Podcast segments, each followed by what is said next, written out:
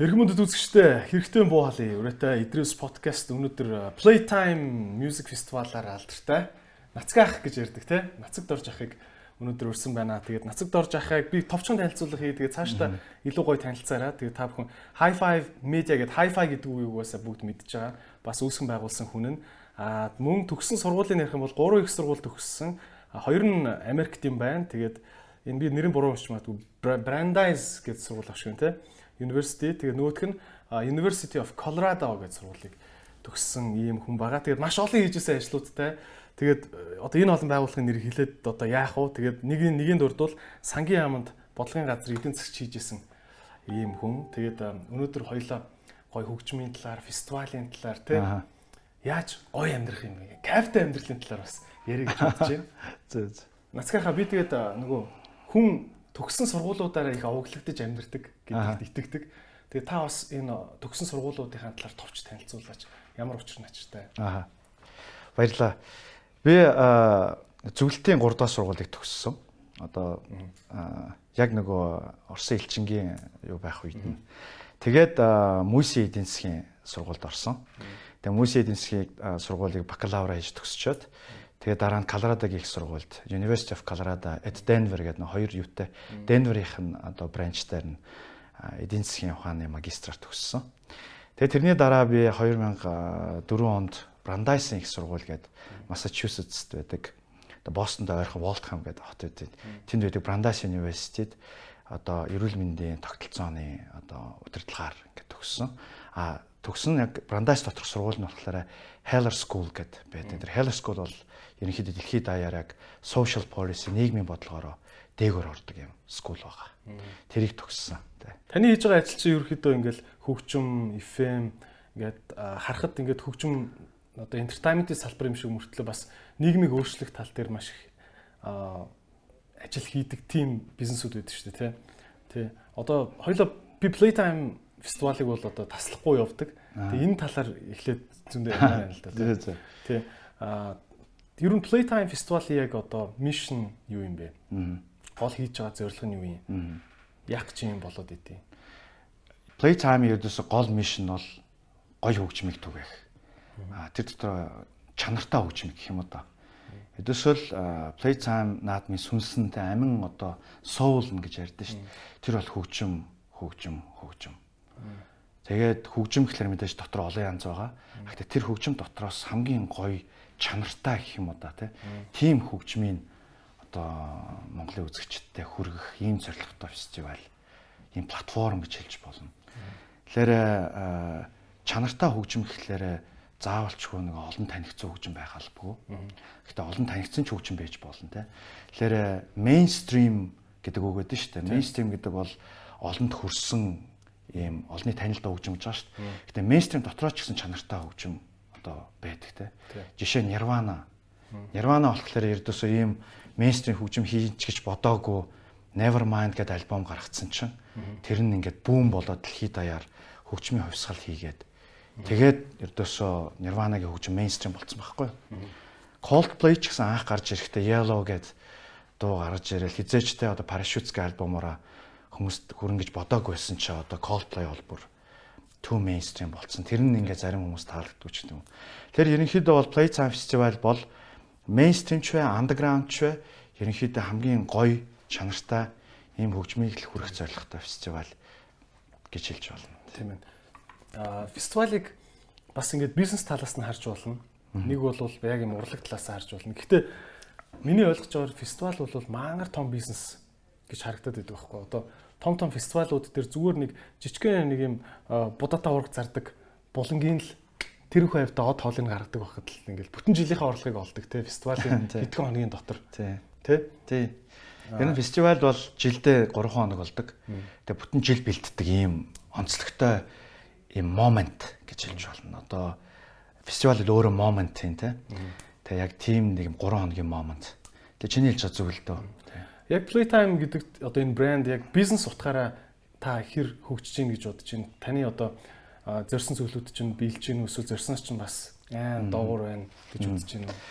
Тэгээ одоо Playtime фестивал энэ жил 20 нас хүрч байгаа. Би энэ фестивалыг 20 жил хийсэн гэхлээр би өөрөө ч итгэж чадахгүй байхгүй. Ийм их хугацаа өнгөрцөн байх та гэд. Гэтэл ингээ 20 жил болцсон байна. Гэхдээ 20 жил болох хугацаанд бол playtime ихэнх жилүүдэд алдагдaltaй байсан. Тэгээ би бас нөгөө энэ алдагдлыг нөхөх надад өөр боломж байсан учраас энэ фестивал маань бол яваад исэн. Аа тэгээ сүүлийн жилүүдэд ерөнхийдөө фестивал маань бол илүү өргөжж байгаа. Хүмүүс илүү юм фестивал калчааг ойлгож эхэлж байна. Аа дээрэс нь Playtime фестивал маань өөрөө ч гэсэн хөгжмийнхаа бодлогоо те хөгжмийн урсгалыг одоо нэмээд илүү их бас те олон хүмүүст хүртээмжтэй олон хөгжмийн урсгалыг явуулдаг болсноороо ерөнхийдөө фестивал маань бас зардлаа одоо нөхөх хэмжээнд бол очиж байгаа. Аа тэгээд одоо юу гэдэг миний хувьд болохоор одоо Playtime гэж одоо бол зарлаа нөхдөг юм. Яг ер нь одоо тий одоо сүүлийн нэг жил нөхсөн баг. Ер нь гэхдээ стил нөгөө тухайн бидний баримталж байгаа бодлогоос хамаарах байхгүй. Жишээ нь бид нар асар их одоо өндөр үнэтэй артистыг дэлхийн алдартай артистыг авчирна гэвэл бид нар эрсдэл гаргаж байгаа байхгүй. Гэтэл тэр артист нөгөө Монголд бас танигдаагүй байх жишээ нэ. Тэгээд артиста би өөрөө сонгодог болохоор яг нөгөө Монголд тэр болгон сайн мэдвэхтэй дэлхийд алдартай хэрнээ юм чанартай хөгжим хийдэг ийм одоо obscure бандуудыг авчирдаг болохоор ер нь риски. А гэхдээ энэ нэг олон жил хийсэн юм тууштай энэ нэр гэх юм уу те. Энэ маань л яг одоо л яг бидний тэр рискийг те тодорхой хэмжээгээр ингээд дараад юу болж байна. Тэгээ би яг түрүү чиний асуусан гол point юу гэхээр Playtime Festival хизээч мөнгө хийх гэж хийж байгаагүй. Тэс мөнгө бол номер 1 зорилго байгаагүй. Хэрвээ мөнгө номер 1 зорилго байсан бол бид нар шал өөр стратегитэй явах байсан тийм. Одоо Монголд хамгийн алдартай тэ артистуудыг авчраал ингээд явах гэсэн. Бидний стратеги бол өөр байсан. Хитээ яс цоглооч эдээс яс ингээд яачаагээд. Тэгхгүйгээр эдээс нөгөө хөгжим нь чанартай хөгжим маань гол нөгөө бидний сүнс маань байсан учраас тэрийг алдахгүйгээр л яваадсан. Алдахгүйгээр тэгтээ ингээд баг багаар өсгөөд Тэгээд нэг аюу тийм нэг бүх суур өгдөн штэ юм нэг юм суур. Playtime суур аюу бүх байхгүй юу. Яа тэгвэл аюу жоохносоо эхэлсэн. Тэгээд аюу жил жил жил ингээл баг багаар ингээл ингээл яг нөгөө органик те одоо натуралны өсөлт гэж байдаг штэ. Яг тэрүүгээр нь явуулсан учраас одоо ингээд аюу ястаа байгаа те маш бүх одоо үндэстэй аюу үнэнч одоо үзэгчтэй те ийм фестивал болсон. Тэгээд фестивалийн одоо энэ 20 жилийн хугацаанд бид нар бол яг санхүү талаас бол ердөөсөө би бас өөрөө эдийн засгч хүн учраас бас тодорхой хэмжээгээр тэ энэ бүх тооцоо эдрийг гайгүй хийгээд явж байгаа. Ер нь бол яг энэ фестивалийн бизнес, ивентийн бизнес гэх юм уу те. Энэ өөр айгүй риски байхгүй. Хүн ингээд энийг ингээд хийж чадна гэж бодоод ордог. Тэгэл нэг алдагталд ороод шатна гэж ярьдэн шүү дээ. Шатаад тэгээд болдог ч гэдэм юм уу. Тэгэхээр тийм айгүй риски учраас 20 жил зүтгүүл чадахгүй юм те. Олон хүмүүс. Ой тэгэл хүмүүсээс л хамаарна. Аа. Тийм ээ. Аа тэгэхээр фестивалийн эдийн засаг гэж бас тусдаа үүсчээд байгаа шүү дээ. Одоо жишээ нь юу гэдэг аа Швейцарын нэг жижигхэн тосхон би яг тэр яг тосхоных нэрийг санахгүй байна. Замын хажуугаар өнгөрч ирсэн байхгүй. Тэнд энэ том ногоон талаа юм л та Швейцарт. Аа. Тэг хэлж байгаа байхгүй. Энд жилдээ нэг л фестивал болдог. Тэгэл ерөөсөө энэ Герман, Франц, Итали, Английн бүх залуучууд нисж ирэл 3 өдөр болоод явдаг. Тэгээ тэр тэр хавийн хідэн тосхны айлууд бол зөв хоолоогоор татцсан ингээд орлоготой. Тэгэл яваад өгөнгөт зүгээр л ногоон тал үлдээ тий. Тэгэд ингээд орон нутгийн одоо Давос биш үү тий. Давос ч одоо эдийн засгийн фестивал юм бүстэй. Playtime шүү. Яг байна тий яг байна. Баячуудын Playtime шүү тий. Биллионер үү яа. Тий. Давос ч нэг жижигхэн тосгол хийх юм л шүү тий. Тий. Тий. Тэгэхдээ маш өндөр одоо орон нутгад ашиг өгдөг тий. Та ер нь Playtime-ийн экономик юу гэж харж байна тий. Хичнээн хүн тэндээс бас боломжийг олж хэдэн хүн тэнд хуршуураа зартын тий. Тий. Ер нь бол яг одоо л яг сүүлийн үед яг бид нар нөгөө бүтээлч, соёлын бүтээлч эдийн засаг гэж яриад байгаа тий. Одоо creative economy гэдэг. Тэгэхээр э, Playtime Festival бол яг энэ creative economy-гийн нэг бүрэлдэхүүн хэсэг тий. Тэр дотор яг уу одоо нөгөө music а а одоо music industry дотроо тий одоо performance юм industry. Тэгээд э, Монгол улс болохоор одоо эдийн засаг нь хитрхи их нөгөө юунаас хамааралтай те одоо уул уурхаагаас юм хамааралтай байгаа. Тэгээд айгүй олон жил бол эдийн засгчд бол эдийн засгаа солонгоруулъя гэж ярьдаг те. Солонгоруулъя яриад байдаг яг амьдрал дээр ингээд хэрэгчэд бол жоохон одоо тутмаг байгаа штэ. А гэхдээ яг энэ сүүлд соёлын яам байгуулагдаад үндсэндээ яг энэ үндсэндээ соёлын бүтээлч үйлдвэрлэлийг те Монгол улсын эдийн засгийн нэг чухал бүрэлдэхүүн те нэг орлогын хүсэ болгоё гэдэг энэ одоо мессеж аягүй хүчтэй явж эхэлж байна л да. Тэгээ яг энэ мессеж авч ирсний дараа үндсэндээ бас Playtime фестивал маань өөрөө манай Монголын те тэр дотор Улаанбаатар хотын яг энэ бүтээлч үйлдвэрлэлийн эдийн засгийн орлогын нэг чухал их усэр байж болох юм а гэдэг ийм үндсэндээ одоо мессеж бол сүүлд явж байгаа. Гэтэ энийг бол би аягүй олон жилийн өмнөөс хэлж ярьж ирсэн. Гэтэ миний нөгөө хоолоо сонсогдох тийм ердөөс боломж бол байгаагүй. А тэгээд энийг бол юу гэж харж байгаа гэхээр үндсэндээ Playtime бол 19 оны одоо статистикаар авч үзэхэд бол нийтдээ 1500 хүнд ажлын байр бол олгосон байна. А түүнээс гадна нийтдээ бол 100 гаруй артисттэй уран бүтээлч энэ бол хамтлагаар нь ярьж байгаа. Яг тоогоор нь яривал 500 орчим одоо хувь хүн уран бүтээлчдэд бас тэ цалин фи олгож тэднийг бас орлогожуулсан байна. Аа тэгээд тухайн одоо орон нутаг те одоо тухайн нөгөө чиний хэлдэг local village гэдэг шиг гачуурт бол гачууртыг би таашгүй те одоо тэнжи болж байгаа. Наацхийн прүстэй залуу орлого олж байгаа дээ. Ямар ч тэр нэг төв хаалгын уртын дэлгүүр бол жилийнхаа аюуг хийдэг гэсэн. Жилийнхаа орлогыг хийдэг гэсэн те. Тэгээд тэгэхээр яг гачууртын хувьд одоо бас айгүй чухал фестивал болж байгаа те. Тэгээ яг тэр үүднээс ерөнхийдөө баян зүрх дүүрэг гачууртын ч гэсэн одоо удирдлагатай бид нар хамтарч ажилладаг байгаа. А ер нь бол нийслэлийн засаг даргын тамгын газраас бол бид нартай 2014 оноос хойш хамтарч ажиллаж байгаа байхгүй одоо олон жил тасралтгүй. Тэгээд нийслэлийн засаг дарга үндсэндээ ажлын хэсэг байгуулад Playtime-ыг чинь бид нар нэлээд ийм олон талын одоо оролцоотойгоор хийдэг байхгүй. Жишээ нь энэ дээр бол нийслэлийн те мэрэгжлийн хяналт, нийслэлийн цагдаа, онцгой байдал те эрүүл мэнд гэд бүх одоо холбогдох байгууллагууд нь оролцоод бид нар ингээд аль болох тэр фестивалыг аюулгүй те зохион байгуулах талаас нь ингэж хамтарч ажилладаг.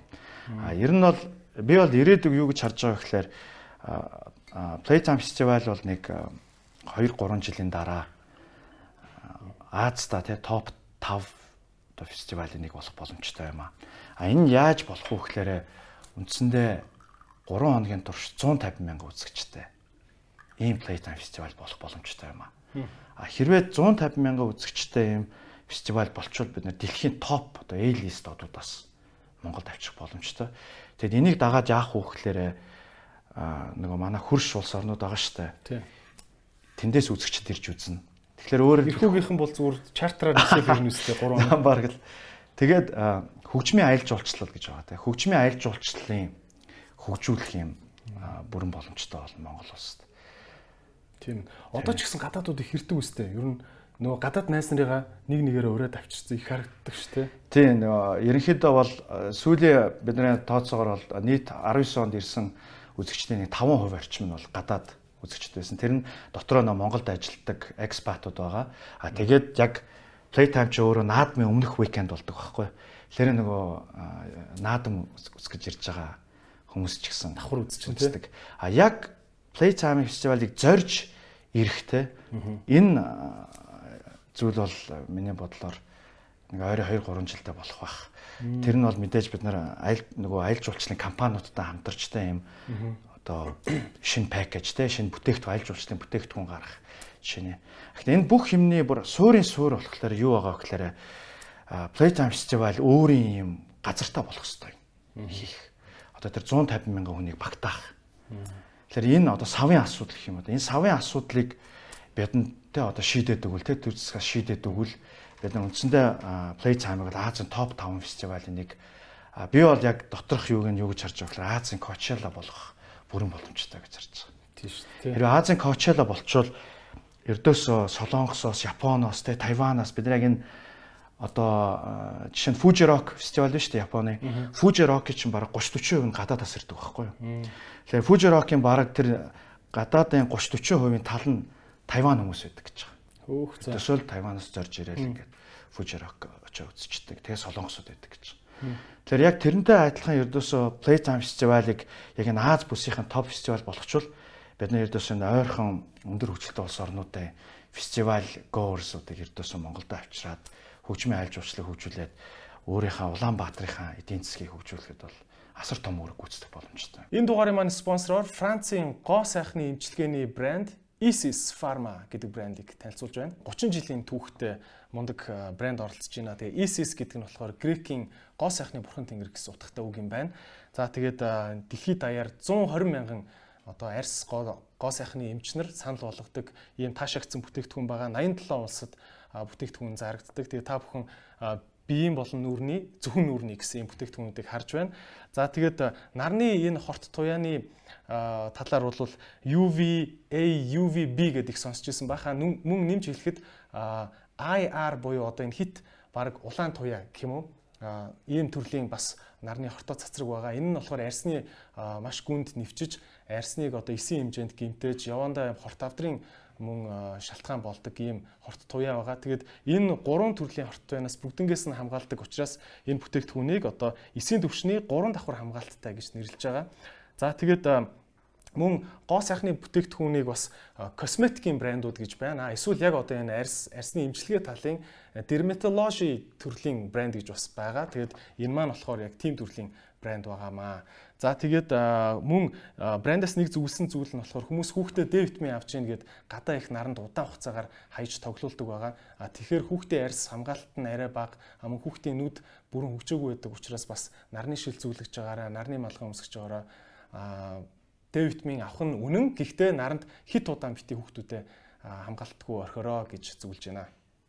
Нарнаас арьсыг эсийн төвшөнд хамгаална. UV Block. Подкастын спонсор Simple App. Simple App-аас хайртай бизнесүүдэд дэмжиж гэдэг гоё уриалгыг бүх хүмүүст дамжуулж байна. Тэгээд өөрийн орох дуртай, өөрийн хэрэглэх дуртай хайртай брэнд, үйлчлэгээ, бизнесүүдийг аль болох дэмжээ. Тэгээд ковидын энэ хэцүү одоо жил одоо үргэлжлсээр байгаа. Тийм учраас бүгдээрээ хайртай бизнесүүдэд ажил олгогч нарыгаа дэмжиж гэсэн уриалгыг хүргэж байна. Тэгээд Simple App-аас бизнесүүдэд дэмжиж 500 сая төгрөгийн нэгээс 36 сарын хугацаатай маш уян хатан зээлийн хөтөлбөрийг санал болгож байна. Тэгээд биеэрээ очрлохгүйгээр та бүхэн simple цэг эмэн ташуу зураас бизнес гэсэн хаягаар ороод өөрийн зээлжих боломжийг хараад онлайнаар өргөдлөө гаргаад 500 хүртэлх сая төгрөгийн байгууллагын зээлийг аваарай. Хайртай бизнесүүдэд дэмжиж Simple Business Идрээс подкаст хүүхдийн ордны яг ард байдаг өндөр цагаан Central Park нэртэй цамхгийн 5 6 давхурт байдаг Lotus ресторанаас та бүхэнд хүрж байна.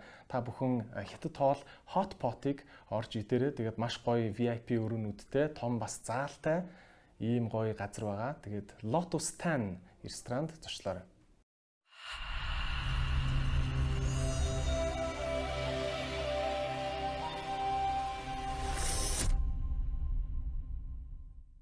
Чинь тэгээд фестивал чинь хамгийн гол нь нөгөө бусад төрлийн аялал жуулчлалыг бодвол ийш тийшээ дагуулж явбал бөө юм болоод ахгүй зүгээр л нэг газар хашиж байгаа л баахан гой ойлгож байгаа л тий Тэгэл нөгөө фестивал руу нэг бугавч зүгөө ороод ирсэн хүн хүн чинь бүх юм фестивалийн үнээр те тийм үстэй миний бодлоор айгүй өндөр өгөөчтэй жинхэнэ нөгөө жинхэнэ 6 цэнгэлтэй зөрүүлж Тий. Яг энэ дээр миний нэг зардлага гаргана үстэй.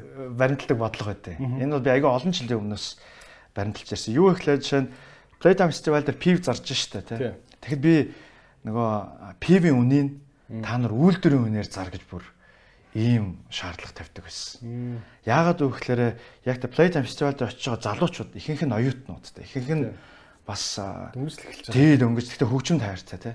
Тэгээ тэр залуучуудыг хөндрүүлэхгүй тэр залуучуудыг аль болох тий одоо фестивал аятухтаа үзэх юм боломжийг хангах юмсан гэдэг тэмчинс одоо өсөлттэй байдаг байхгүй. Тийм учраас би энэ бодлого одоо хүртэл барьсаар байгаа. Би хоолны газрууд тэр одоо тий уух идэх юм зарж байгаа бүх газруудад ердөөс одоо юу гэдэг үний дээд үн гэдэг лөө. Тэрийг ингээд тогтоогоод энэс дээшэж болохгүй гэдэг ердөөсөө аль болох фестивалыг affordable тий бага үнэтэй байлгахыг зордтыг. Тийм. Тэгвэл гайхын үстэй одоо солонгосоос нийцж ирсэн. Үе юм том юм гэдэг. Coachella-гийн Heineken fee 10 доллар. Аа тийм үү. Тий 10 доллар. Эсвэл юм тогтцсон. Тэгэл 10 доллар гэж болт. Тэгээд тэр энэ фестивалийн угаасаа ирж байгаа хүмүүсийгээ бодолцож жагаад үнийн шууд ингээд барьчих штэ тий. Юун дээрээ. Тий үнэн ингээд яг ингээд барьсан. Тэгтээ нөгөө Coachella ч юм уу одоо Primavera ч юм уу дэлхийн топ фестивалууд байгаа шүү дээ. Одоо Glastonbury эднэр. Эднэр бол мэдээж нэг өндөр хөгжилтэй улс орон Учираас дээрээс нь нөгөө цаад тэр дил литр нь одоо өөр учраас те хүмүүс нь тэр мөнгөний төлж чадах учраас 10 доллар гэж байгаа хаа. Монгол маань болохоор хөгжиж байгаа те улс орон. Тэгээд эдийн засгийн хувьд ерөнхийдөө бас одоо нийт 30% стил ядуу байгаа шүү дээ Монголд бол энэ бол жоохон. Тэгэхээр юу гэдэг нь Playtime Festival-ыг бол ингээд дан ийм юу хүмүүсийн фестивал болгочмоорг байгаа юм те одоо хамгийн их өнгөтэй Тийм төвлөрсөн. боломжтой л хүмүүс юм. Яг энэ хөгжимд хайртай хүмүүсийн фестивал байлгах. Тэгэхээр би яг энэ үнэт сүнэ одоо үнэт цэнэ алдахгүй тулд би энэ бүх юмнуудаас бодолцох хэвээр. Тэ одоо бусад жилүүд. Би болохоор танай фестивалыг чинь гадаа байгаа дэлгүүрийг бодоод шүү дээ. Гэхдээ э, зүг зүг тэгээд нэг балансаал олно гэсэн үг шүү Тэгээ балансаа л болно гэсэн үг тийм бас тэрхий талтай. Аа. Юун дээр та би бас хөгжмийн талаар бас танаас айгүй их зүйлийг асуумаар байна л да одоо жишээ. нь. А бид нар бол одоо ихэнх та бол ингээ хөгжмийг бол маш ингэж бүр фанатл сонсдог хүн байгаа. А гэтэл а, миний хувьд бол жишээ нь ямар ч хөгжмийн юм юу юм багхгүй. Дуучид муучдын талаар нэг сайн мэдтгүү те. Классик одоо Nirvana-гийн нэг дуу хэлчихгүй бол баг бодоод олж болохгүй энэ төр те. А тэр хөгжмийн боловсролын талаар бас танаас нэмж асуумаар байгаа шүү за. Зөө зөө зөө наач хэвээр. Тийм. Аа гэхдээ эхлээд нөгөө би аж ахуй талаа ярих гэдэг шүү. за. Тийм зүгээр болохоор. За юун дээр аа за фестивалийн эдийн засаг гэдэг юм байж байна. Тэгээд энэ томрох боломжтой гэж байна. За нэгдүгürt одоо энэ гачуурт хичнээн хүн багтдгийн тийм. Аа тэгээд ер нь цаашдаа хідэн ч хүн багтаад одоо ингээд sorry гачууртаа солио дээр тулах юм. Хоёрт нь фестивалийн газрыг яаж сонгох юм? Ямар уу- уул устай газар. Хараад тахад нэг голтой ойрхон байл гоё юм шиг тийм. Үгүй юу? Мэдгүй одоо тэр нэг юунаас асуух уул мол. Тэ. Гэтэ та нэг юм бодсон юм байгаа шүү дээ. Тим элемент байх хэрэгтэй гэдэг тий. Тийм бодсон байгаа Тийм тийм. Энэ Тэр талаар тий. Юу Playtime Festival бол 19 онд а өдөртөө дунджаар 100000 хүн одоо үйлчлүүлсэн тий орж гарсан. Тэгээд 3 хоногт үржүүлэхлээр 30000 хүн гэсэн үг. Тэ дунджаар өдрийн 100000 гэсэн үг. А ер нь бол гачууртын одоо максимум capacity гэх юм уу те одоо тэр нь дөхөж очих юу бол өдрийн нэг 20000 гэдэг ер нь максимум бол нэг 60000 дээр дуусна. А энэ жил бидний тооцоолж байгаагаар л нь нэг 50000 руу очих байх те өдрийн нэг 15 16 мянган хүн байх байх гэсэн юм тооцоотой байгаа. А фестивалийн газрыг сонгоход бол фестивалийн газар бол тэгшгэн байх хэвээр. Эсвэл тэгшгэн байх хэвээр. Яа тэгвэл тайзууд засан те олон тайзууд засан. Тэгээд тэр э, фестивалийн талбайн бараг 50% нь те 50% нь майхнууд байдгийн. өө за. Тэгээ майхнууд яаж байдг вэ гэхээр кар кемпинг явчихдээ. Яадаг вэ гэхээр машина тавиад урд нь майхнаас цацдаг. Тэгээд кар кемпинг гэдэг өөрөөр хэлбэл машиныхаа паркингийг а, кемпингтэйг хамттан шийдсэн юм шийдэл байдаг.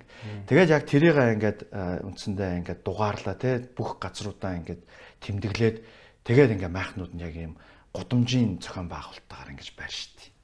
Тэр нь бараг нийт талбайгийн 50% нь ингээд тойроод байж чинь голдоо одоо фестивалийн хөгжмийн гол талбай нь те. Тэгээ фестивалийн талбай нь болохоор ингээд тойроод ингээд 8-10 тайцтай. Иймэрхүү форматтай байдیں۔ Тэгээд 8-9 10 жижигэн жижигэн паринууд болоод байна гэсэн үг шүү дээ. Оо тэгэл жижиг цэгүүд нь бүр тусдаа одоо 8-9 том тайцтай. Тэгээд өөр жижиг маш олон юм цэгүүд байгаа. Тэр нь баг нийлээд 40 50 цэг бол болох байх. Өө за за за. Тий. Тэгшгэн өөр тийм юу байдгүй одоо уул усны тийм таны бодсон байгаа юм байгаа юу? Тий, миний нэг мангар том симбагийн хадтай байх хэрэгтэй ч юм уу нэг. Тийм байдгүй. Тийм байхгүй байхгүй. Нөгөө юу нэг хөшөө хөшөө. Тийм биш биш. Нөгөө юу одоо би нэг юм юу ботцсон байгаа. Налаахт нэг тийм бидний юм хүсэж байгаа нэг юм яг тохирсон газар байгаа юм. Гэтэ тэрийг бол одоо бид нарт нийслэлээс те тэрийг ингээд зөвшөөрөөд хамтарч ажиллаад те ингээд ашиглаа авчвал тэр бол яг тохирохоор газар.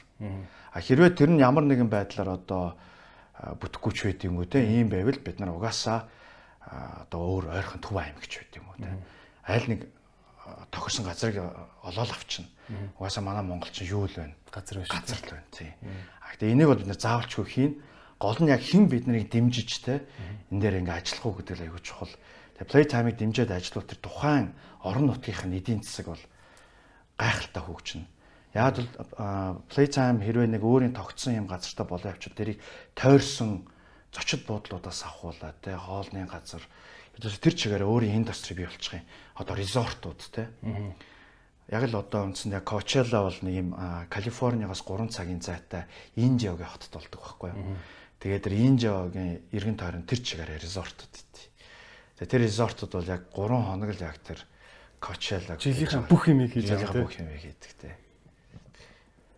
Coachella гэснээс а, нөгөө хаваа харал дээр үлээ хаа нөлөө нэг нэг хуурамч фестивал зарлаа балдаг тэр Нөгөө. Фая ёо. Тэ Fire. Fire тэр өстой чи нөгөө докюментари үзсэн үү? Тэрний докюментари би хялтхан үзсэн. Тэр өстой тэр өстой гайхалтай. Балсан билээ, Тэр тий. өстой балсан. хүнд ингээ мөрөөдөл зарангуудаа очсон гэсэн зүгээр юу жаахгүй те. Тэгээ тэр бол яг classic case те одоо фестивал Тэр үн хэрэг болтын тиймэрхүү юм шинэ фестивал төөрөөл гараал байхгүй бол эсвэл тэр ховор юу юу.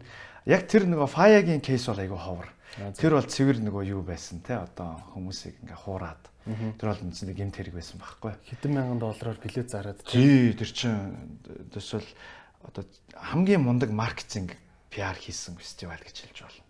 Тэрс маркетинг PR-аар яаж те хоосон одоо юм зарж те тэрийг дараа нь deliver хийхгүй байх одоо ийм классик кейс байхгүй. Тэрүүгээр бас нэг харж болох нь хов хоосон тал монголчуудад байгаа те.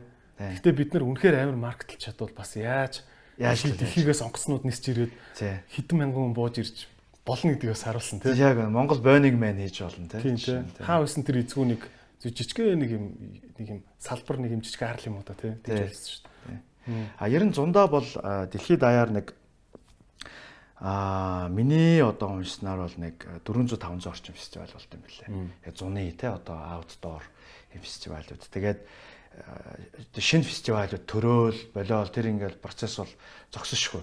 Яг тэгвэл баруунд бол ер нь фестивал калчер бол асар их те хүмүүст одоо Woodstock-ийн цагаас хойш те одоо 70-аад оноос хойш тогтцсон юм калчер учраас фестивал бол айгүй тийм хүмүүсийн хийх дуртай зүйл. А гэхдээ эндээс яг шалгарч үлдэж байгаа те ингээ явж байгаа фестивалууд нь бол одоо цөөн тооны юм фестивалууд байгаа. Одоо дэлхийн топ фестивалууд байна те. А тэгээд яг уу фестивалыг одоо яаж хүмүүс одоо жишээ нь одоо хийж ийнө вэхээр хэрвээ жишээ нь нэг юм мөнгө хийдэг одоо бизнесмен гэж бодъё те. Одоо сүүлийн үед бол тэд нар чинь зөвхөн хувьцаа эднэр авахаасаа гадна хамгийн сүүлийн үеийн тренд бол алдартай хамтлаг дуучдын дууны каталогийг худалдаж авдаг болсон ба шүү дээ. Одоо зэ. чинь Taylor Swift-ийн дууны каталогийг те 150 сая доллараар зарцсан байна лейбл нь. Тэгээ худалдаж авсан компани болохоор ямар фанд ч үлддэг капитал нэг тийм юм фанд байх чинь. Тэрний дараагаар Bob Dylan 300 сая доллараар өөрийнхөө бүх дууныхаа каталогийг зарчлаа. Каталог гэдэг нь юу юм? Каталог гэдэг нь дууны эрх, бичлэгийн эрх зохиогч эрхийг хэлж байгаа. Өө зөө зөө. Одоо хэлбэл Bob Dylan нэг одоо 20 цомог гаргасан байлаа гэж бодъё те. Тэр бүх 20 цомгийнхаа зохиогчийн эрхийг өөрөө тэр ай үгийн зохиосон шүү дээ. Тэгээд бичлэгийн эрхийг зарчиж чинь гэсэн үг. Тэгэхээр Bob Dylan бол одоо тэндээсээ хүртдэг байсан мөнгөө бол хүртэхгүй. Манайхан үндсэндээ концертууд хийгээл touring гараал мөнгө олно гэсэн.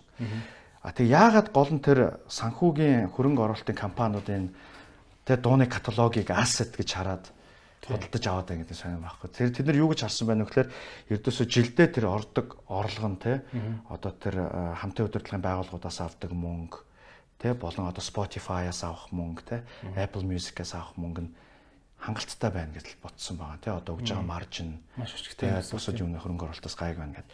Тэгээ тийм жишээ тренд гарч байгаа. Яг тэрнтэй адилхан фестивалыг бас бизнес гэж хараад зөө. одоо шууд нэг э, мөнгө зээлээд ч юм уу те банкнаас мөнгө зээлэнгүүтээ тэр мөнгөө эргэлдүүлээд тэр мөнгөнийхөө талаар нь одоо Beyoncé ч үт юм те big name-үүдийг авчраал стейж эднэрээ барайл хийчих болж штэ. 3 хоногийн дотор хийгээл. Тэнгүүтээ эргэж олсон мөнгө нь те нэг зарцуулсан мөнгөөсөө илүү ингээд бас бизнес байж болж байгаа хгүй. Тэгэхээр бас тэгж ханддаг хандлагууд бас байд юм байна лээ. А гэхдээ тэр нь бол яг ийм амжилттай явж байгаа кейс бол ховор. Яг бол сүнс нь байхгүй шүү дээ. Тий яг үнэ. Яг үнэ. Ердөөсөө хөгжим одоо music фестивалийн гол юм нь бол сүнс нь бол хөгжим байдаг. Яг мөнгө бол биш. Тэгэхээр Coachella-гийн ч түүхийг харахад, Glastonbury-гийн ч түүхийг харахад, Fuji Rock-ийн түүхийг харахад яг гол сүнс нь бол хөгжим байсан. Тэгээ сүнснээс гадна тэр фестивалыг үүсгэн байгуулсан, зохион байгуулсан хүмүүс байт юм бэл.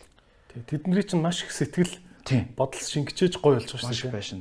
Жишээ Fuji Rock фестивалийн хамгийн анхны жил болсон жилдээ Fuji Rock уулын доор хийгээд байгалийн үзэгдэл болоод тэгээд ингээ фестивалийг хийж чадаагүй бөн бөн катастроф болсон шүү дээ. Тэгсэн хэрнээ тэрийг одоо тэр хүн няцаагүй дараа жилдээ үргэлжлүүлээд өөр байршил сонгоод 80 ба гэд уулын цам байдیں۔ Токиогоос нь хитэн цаг явдаг. Тэнд ингээ хийцэн байхгүй. Тэр хэрвээ шантардаг хүн байсан бол тэр амар ингээд 40 мөнгө төгрөг алдаад ингэж явахд бол хийхгүй шүү дээ. Гэтэл Rock-ийн тэр Масая гэдэг тэр үүсгэн байгуулсан одоо нэг даал гарцсан нэг өвгөн байгаа. Кул өвгөн байгаа. Тэр ингээд өөр Япондо Японы Glastonbury хийцэн байхгүй. Тэр хамгийн анхныхаа жилдээ э, Red Hot Chili Peppers-ыг headliner авчиж исэн байгаа. Өө зөө. Анхны жилдээ тэр 95 он байна уу хэд Тухайн үед тэр нь бүр бодоол гэж хэлсэн мэт бодвол тий.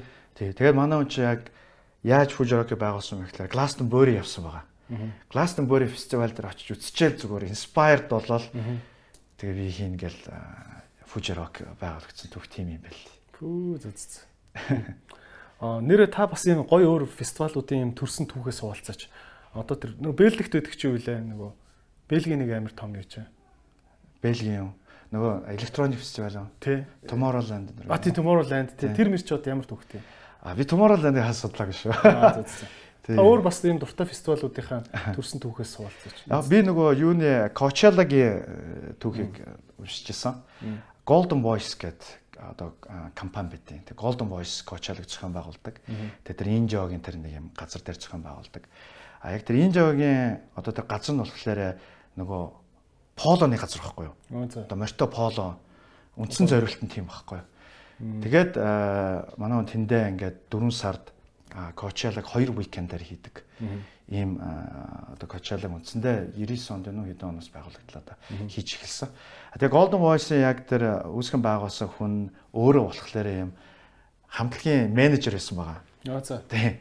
Хамтлагийн менежер те ингээд төсөөл ингээд туринг те зохион байгуулдаг тийм л залуу байсан байна. Аль нь тоглолцсон байгуулдаг л нөхөр юм шүү дээ. Тийм, одоо ивент эднэр хийдэг. Үнэхээр л бүр хар залуугасаа л 21 22 тагосоо л яг энэ хамтлагуудын тий одоо рози хийгээл тий менежерийг хийгээл дараа нь өөрийнхөө компани байгуулаад тий producing одоо event making компани байгуулаад тэгэл нэг 2 3лаа байсан юм шүү. Тэгж жаал дэвдсэн юм фестивал хийгээл санаачлал явсан. Тэгээд Coachella нэг гоё юм нь юу гэхээр Coachella хамгийн анх яг том болоогүй байхдаа яг ингээд анх байгуулсан жилээс ер нь 2010 он хүртэл бол Coachella-гийн line up-ыг харахаар хамгийн cool line up байдаг байхгүй юу? Чин Rage Against the Machine-гийн хамтлаг 4 5 удаа тоглолцсон байдаг байхгүй юу? Тэгээд Prince хүртэл ингээд тоглолцсон байдаг байхгүй юу? 2009 он ч л 8 онд насрахсан өмнө. Тэгэл би ингээд line up-ыг ингээд хараад яаж хатал тухайн үеийн тэр хөгжмийн тест шүү дээ. Тэр сонголтууд нь амар on spot-тай амар зөв юм сонголтууд хийжсэн байгаа байхгүй юу? Тэгэл сая сүүлд болохоор Coachella тэр LCD sound system-ийн хамтлаг байдیں۔ Тэд нар ингээд 2010 онд тарцсан байсан байхгүй юу? 2010 онд тарцсан байхад нь тэд нар эргэж reunion хийлгэж Оо за. Ингэж одоо Coachella дээр тоглуулсан. Сая Guns N' Roses хамтлагийг reunion хийж тоглуулсан. Тэр ятгах чадчихээн тий. Тий яг мэдээж мөнгөлдөө тэгтэл бас артистууд чинь бас яг юу хүмүүс биш байхгүй юу? 100% мөнгөний гэсэн хүмүүс биш байх байхгүй. Ер нь артистыг бол зүгээр ингээл мөнгөнд худалдагдаа яана гэж бол бодож болохгүй. Тэгээ артист бол үргэлж тэр нөгөө юу нь байдаг. Тэгээ өөрийнх нь нөгөө өөрийгөө хүнддэгдэг юм нь байдаг, хөгжим нь байдаг учраас артист ба шууд одоо 100% мөнгөөр яана гэж байхгүй. Тийм учраас тэрнээс гадна юм байсан байгаа. Тэр нэг найз нөхдөөр нь яриулт юм тэр чинь янз бүрийн байгаа шүү дээ. Жилчингээ бэлдэж байгаа шүү дээ. Тийм нэг нөхдөд сууж хахтан за энэ чинь хамгийн сайн найз нь хэн блэ? За энэгээр яриулъя ч гэдэг юм тийм хөвшний цаанд бол зөндөө гоё тийм түүхүүд бол явж байгаа бах. Тийм. Тэ. Тэгээд одоо энэ жил одоо болохгүй дараа жил Coachella дээр Rage Against the Machine хамтлаг болц одоо тарцсан байсан. Тэднийг эргэж одоо нэгдүүлж байгаа. Одоо Барселонагийн хамгийн том фестивал болох Primavera гэх фестивал Pavement гэдэг одоо миний хамгийн favorite хамтлаг гэхгүй. Pavement ингээ бас тарцсан байсан. Тэгээ Pavement-ийг эргэж reunion хийлгэж байгаа. Тэр сүүлийн фестивалын трендийг харахад бол одоо тэ энэ айгүй мундаг юм лежендари хамтлагуудыг ингээд тарцсан байхад нь эргэж нэгдүүлж ингэж тэ фэнүүдийн баярлуулах тэ фестивал дээр юм түүх бүтээх юм болж. Тэгээд Playtime бас яг адилхан. Бөөн цаана юм болох уу те. Одоо энэ жил 2020 онд энэ жил 2020 онд Соёл Эрдэнэ хамтлаг 50 жил нь болж байгаа. Тэгээд Соёл Эрдэнэ хамтлагийн reunion энэ жилийн Playtime фестивал дээр болох юм. Хөө за за. Тий. Тэгвэл та аав ээж нар амар ирэх юм шүү. Тий, ер нь бол бас историк юм болно. Тэгээ соёл эрдэнэ чинь одоо миний ойлгож байгаагаар яг 80 оны л одоо баг 80 70 71 он байгуулагдсан. Sorry. Гэтэ 80 онд бол бас маш хит байсан мэт тий. Кино минон дэр дуун гараад идэг хамтлаг юм шүү тий. Тий, соёл эрдэнэ хамтлагч бол үндсэндээ айгүй олон бүрэлдэхүүнд амьдсан ийм хамтлаг. 71 онд хамгийн анхны бүрэлдэхүүнээрээ байгуулагдаа. Тэгээд дараа нь 70-аад оны сүүл Тэгэл 80-аад оныхын дунд үегээд нэлээ олон үеуд байгаа. Тэгээ энэгээр нөгөө Чингис хааны жагаа хүртэл ном бичсэн байдгийг. Ер нь бол одоо тэгээ дахиад бас ном гарна гэж хэлээ 50 жилийн ойгоор. Тэгээ бас баримтат кино хийгдэн гэж байгаа юм байлаа. А Playtime фестивалийн зүгээс бол бид нар ганцхан хүссэн. Соёл эрдэнэ хамтлагийг Playtime-ийн төв тайзан дээр headliner-аар хармаар гэж. Тэгээд одоо амьд сэрүүн байгаа гişүүдээс нь авахуулаа. Тэгээд хүүхдүүд ингээ бүгдээрээ нийлээд ингээд айгаа тийм special performance хийх юм. Дээрэс нь титэм хамтлагийг бид нар бас энэ жил Playtime Festival дээр ингээд reunion хийлгэж гаргаж байгаа. Тийм үү. Тий. Тэрний өмнөх жилүүд болохоор бид нар чи хөх тэнгэр хамтлагийг reunion хийлгэсэн. Тэр өөрөөр хэлбэл бол гэрэл бас яваад байгаа тий. Үгүй та хоёр одоо энэ төр гэж мэгэл.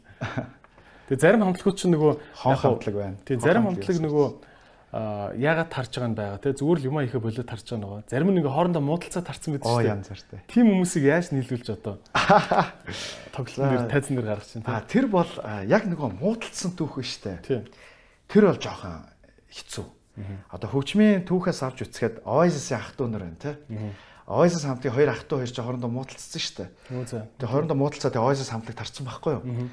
Тэгээ Oasis ч бол үндсэн дэлхийн хамгийн одоо 90-ад оны бүр ингээд одоо топ хамтлагуудын нэг байхгүй. Тэгээд хөгжим нь хүртэл одоо эргээд тэр дуунуудын цомгийн сонсоод бол legendary юм хамтлаг болсон байхгүй. Don't look back in anger гэдэг. Тэрнээс бол тэгэл Wonder тэгэл тэгэнгүүтээ Wonderwall дэргээ тий.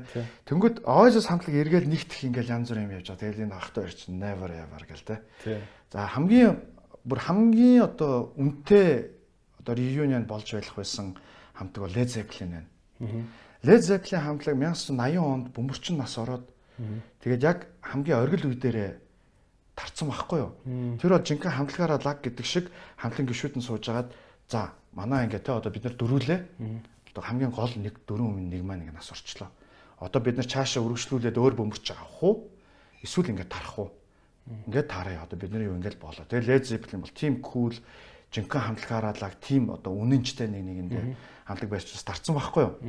Тэгээ Led Zeppelin бол ерөнхийдөө дэлхийн number 1 rock хамтлаг гэж одоо хүртэл яригддаг байхгүй юу? Number 1. Зөв топ тийм одоо Rolling Stones-оос илүү Beatles-ээс илүү Led Zeppelin гэж боддог байхгүй яг. Илүү одоо рок сонирхдаг хүмүүсийн хувьд. Тэгээд тэр хамтлаг дараа нь 25 жилийн дараа тэгээ 25 жилийн ойгоор байхаа миний санаж агаар ганцхан удаа тоглосон байгаа. Эргэж нэгдээд ганцхан удаа тоглосон. Тэгээ ганцхан удаа тоглохдоо бөмбөр дээрээ хэнийг тавьсан гэж бөмбөрчнийхаа хүүг. Хөөх тийм. Тэгж ганцхан удаа тоглосон байдаг. Хм. Тэгээд Led Zeppelin бол одоо хүн тус бурд нь хэдэн саяч паунд амллаа тэд нэр нэгтгэхгүй. Тэгээд тэр гişүүд нь ч гэсэн үнэхээр агуу тийм одоо хувь хүнийхээ хувьд агуу тийм гоё musician те тийм продюсер хүмүүс байгаа. Роберт План, Jimmy Page гэдэг. Тэгээд өөр нэг түүх бол Smiths хамтлаг байна.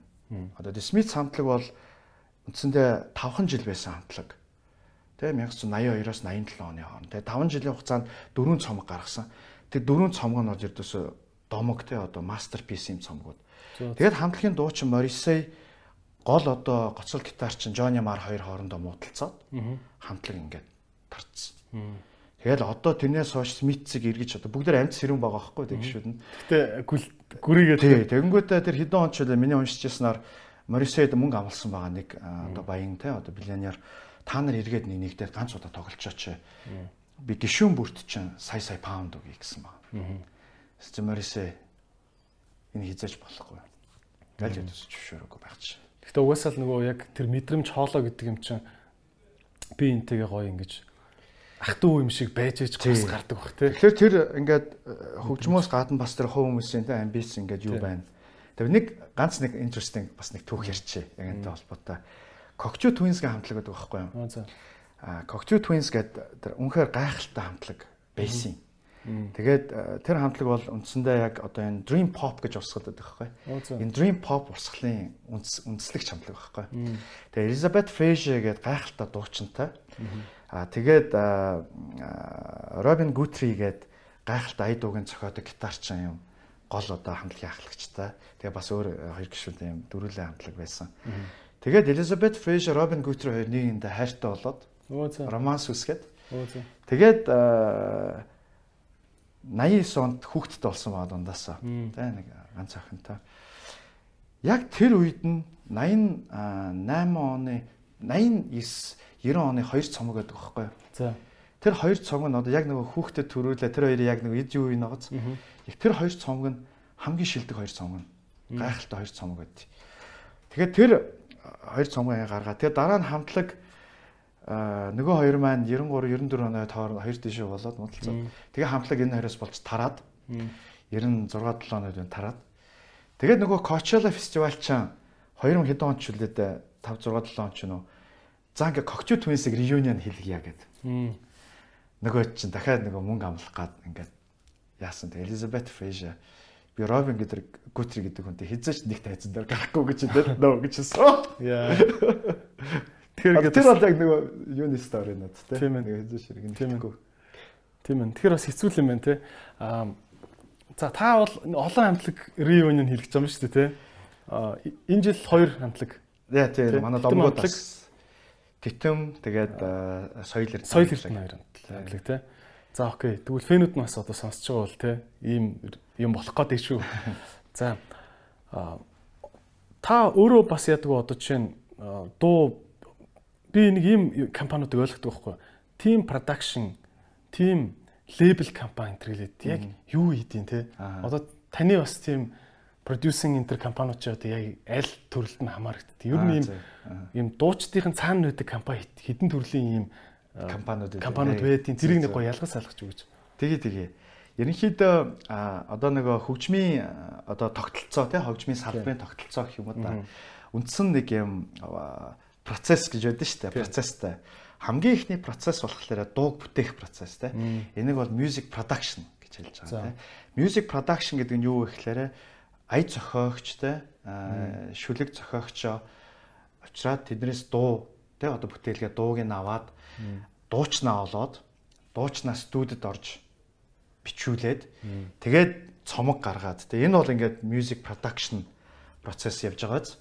Тэгэхээр энэ music production-ыг хөвчлэн лейблүүд хийдэг. Одоо music label гэж ярьдаг.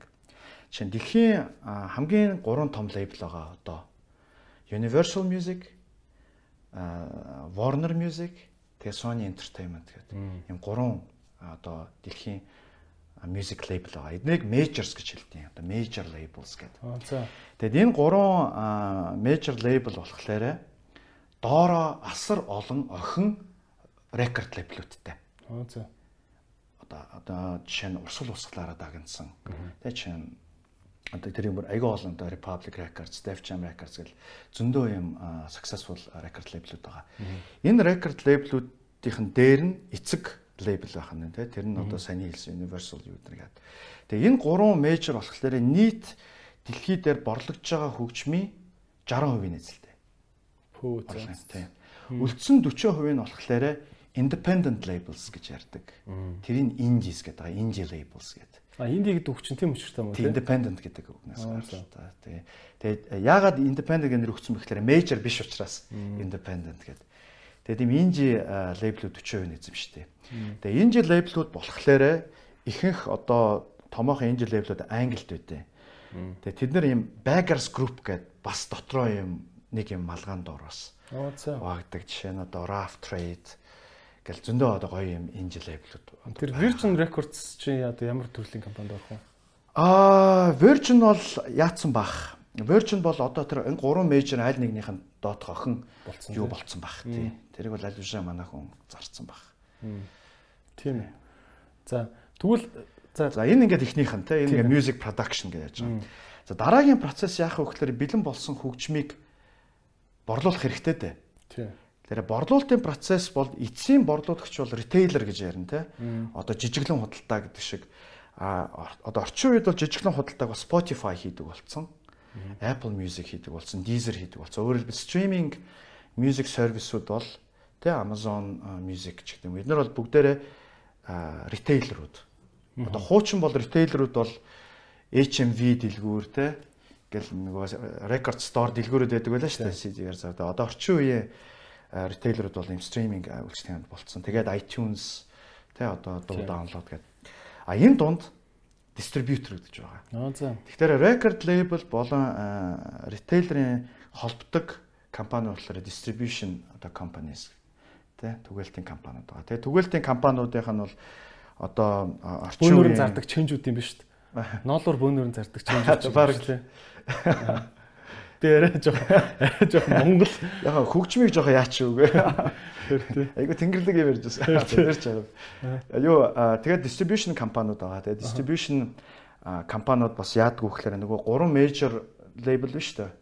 Тэд нар чинь өөр өөрсдийнх нь distribution компаниудтай. Аа за. Тий. Тэгэхээр өөрөөр хэлбэл тэр major чинь music production distribution ингэж базаад дээрэс нь бас publishing гэдэг нэг юм байгаа. Music publish. Тэр бол зохиогч хэрэгтэй холбоотой бас өөр төрлийн бизнес байхгүй. Аа, за. Энэ гурваа major-д өөрсдөө хийчтэй. Тэгээд шууд а, ритейлерүүдтэйгээ харьцдаг байхгүй. Тийм учраас жишээ нь Spotify, Universal Music-тэй ийм дийлд хүрлээ мөрлөө гэл ийм артиклууд гарч ирээд байдаг шүү дээ. Тэр чинь бол айгүй том юм negotiation-ууд явдаг. Одоо Tencent гэдэг хятадын компани биш үү? Тий. Tencent ердөөсөө одоо Х- хятадын нутаг дэвсгэр дээр энэ бүх major label-үүд нь шүү дээ сайн ярьсан. Эдний бүх дуу хөгжмийн distribution хийх эрхийг авцсан.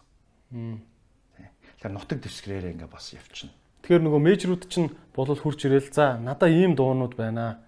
Энийг та нар тэр юугаараа цацсан уу падлиггүй тэгтээ зүгээр төлбөр нэн шүү гээл. Нэг өгчт юм нэг өгөл хайчт юм шүү дээ. Яг уу бас тэгж хамаагүй бол өгөхгүй л дээ. Тэр чинь дотроо ингээд минимум guarantee гэл олон төрлийн одоо жил дотроо юмнууд бол байгаа. А ер нь том зургаар харахад бол Tencent а өөрөө хятад дотроо нөгөө хүмүүсийн сонсдог стриминг платформуудыг Tencent өөрөө бүгдийг ингээд хийцэн.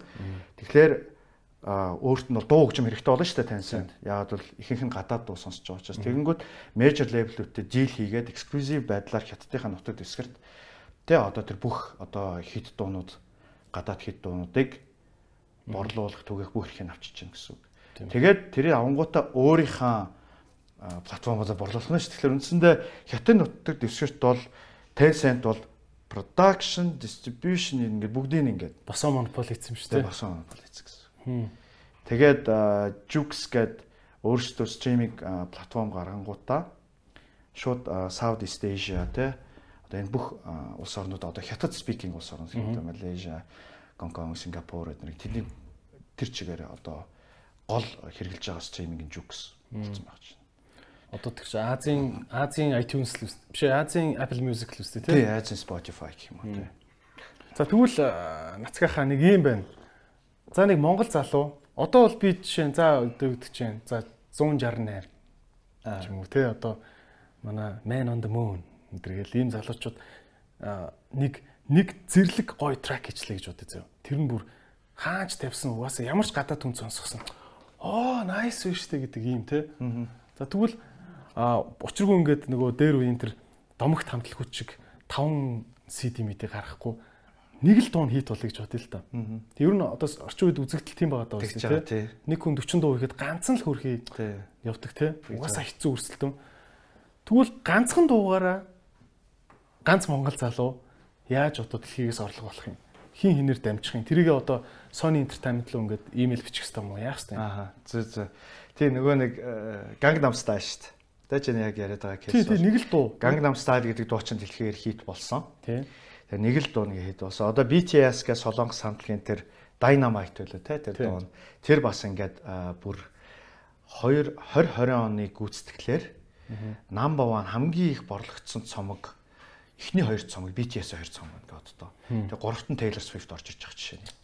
Тэр BTS тэгсэн. Дээрэс нь singling chart те одоо singling борлуулалтаараа бол бас нэлээд тийм дээгүүр орсон байх чинь. Яг ийм одоо кейсүүд бол гарч ирж байна те одоо Азийн одоо уран бүтээлчтэй үндсэндээ дэлхий дээр ингээд брейк хийсэн. А тэгээ бас манай Монголын дэхүү хамтлаг те бас үндсэндээ ингээд олон улсад маш хүчтэй гарч ирж байгаа. Яг энэ рок метал те хөгжмийн жанраараа бол одоо тэр те бас дээгүүр а, одоо хамгийн нэгт орж исэн юм хамтлаг шүү дээ Монголоос. Дээрээс нь бас одоо харж яхад бол дэхүү бол дэлхийн бүх том рок метал фестивалуудад оролцож байна те лайн апт нь орсон явж ах жишээ. За яг чиний жишээгээр бол чинь 168 ч юм уу те одоо манай дөө нэг амар хит дуу гаргалаа. Тэ энэ нэг music production явж штэ music production ингээ Монголдо хийгчлээ штэ. Тий. Тэр энийг одоо яаж одоо дэлхий хит болох вэ гэдэг асуудал гарч ирж байгаа. Тий нэгдүгээр хит болгочоо тэгэд үр шимийн бас яаж хүртэх юм бэ гэдэг. Бүрэн хүртэх вэ гэдэг юм хоёр байна. А Тэгэхээр яаж хит болох вэ гэхээр ердөөсөө яг энийг дэлхийд хит болгох одоо тэр ноу хау тэр скил бол Монголд бол байхгүй. Тэгэхээр энийг бол гаднаас л олно гэсэн үг тийм. Тэгэхээр гаднаас олохдоо гадны нэг рекорд лейблтэй л дийл хийн гэсэн үг. Нэг рекорд лейбл тэр дууг тоож эндээс би мөнгө хийж чадах юм байна гэж тооцоолж гэрээ хийж л одоо хийн гэсэн үг. Одоо дэхүү болохоор Америкийн компани одоо тэр энэ ажлыг хийдэг байхгүй юу? Тэ одоо нэг гадаадд хит болох тэ борлуулах түгээх юм бүх ажлыг. Одоо American producer. Яг тэрнтэй адилхан гадны нэг record label-ийн продюсертай л одоо гэрээ хийх ёстой гэсэн. А тэр продюсерт яаж хүрэх вэ гэхээр цорын ганц арга нь бол ердөөсө production. Тэр дуун өөрөө одоо instant hit болгох тэр чихэнд нь те хүрх тийм дуу байх хэвээр тийм аялгуутай тийм arrangementтэй mixing mastering нь маш сайн хийгдсэн. А дээрээс нь тэр видео те видео production өөр амар creative анхаарлыг татсан. Gangnam Style бол зүгээр видеогоор л явцсан дуу шүү дээ яг хөгжмөөрөө ихээс илүү. Тэгээ тэр нөгөө энэ бүжиг мүжиг энэ юу гэрэл авцсан байхгүй. Хэдэн мянган хөдөлгөөнийг анализ хийсэн гэсэн шүү дээ. Бараг 2 мянган хөдөлгөөнд дундаас сонгосон ч илүү энэ минийг. Тийм бах. Тийм. Тэгэхээр яг тийм нэг visual юм айгүй important та. Visual тэгээд аудио энэ хоёр нь өөрөө гоё юм синержи үсгэж тэр гадны том продюсер анхаарлыг татна. Гадны продюсер анхаарлыг татаад тэрнтэй гэрээ жийл хийгээд явхлаар цаашаа одоо бүх ажил өрнж эхэлнэ. Яах вэ гэхээр одоо тэр үндсэндээ олон улсын маркетинг чинь цөм нь юу гэдэг вэ гэхээр маш олон дагагчтай, сонсогчтой одоо подкастуудаас авахулаа те Facebook page те блог одоо вебсайтууд дээр төлбөртэй нийтлүүд гаргана.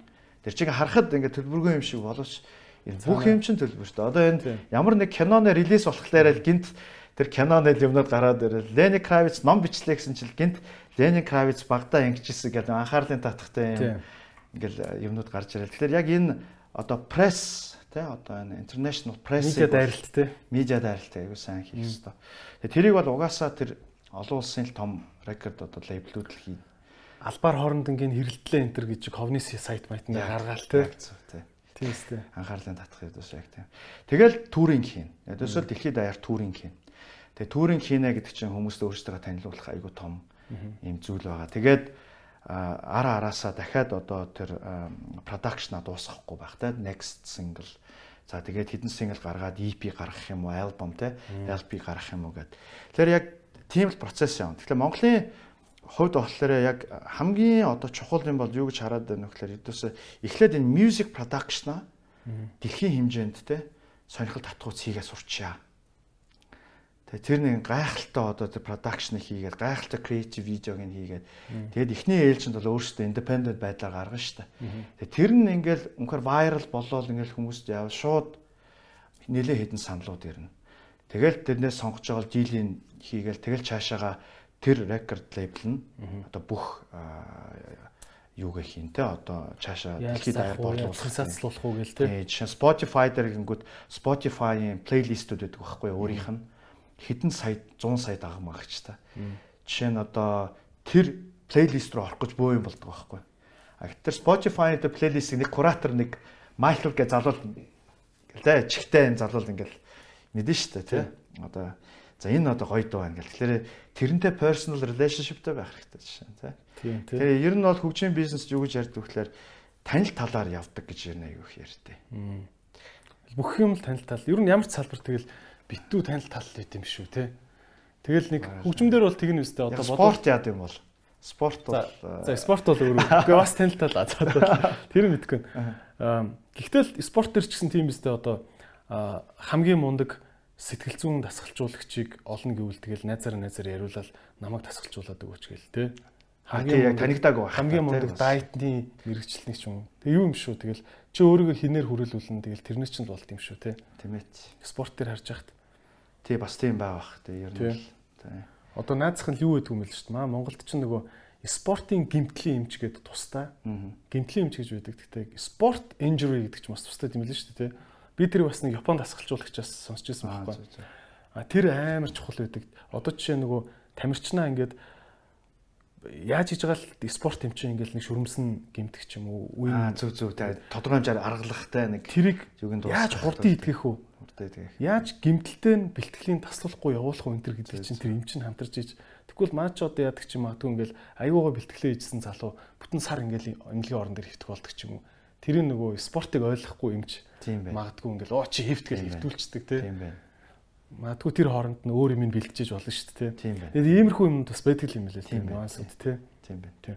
За тэр яг уу таны одоо энэ хөгжмийн мэдрэмжтэй хүмүүс гэдэг байгаа шүү дээ. Та хэлж байгаа энэ Spotify-ын плейлистийг ингэж яадаг одоо гэдэг, тийм. куратор гэж ярьдаг ярьд юм те.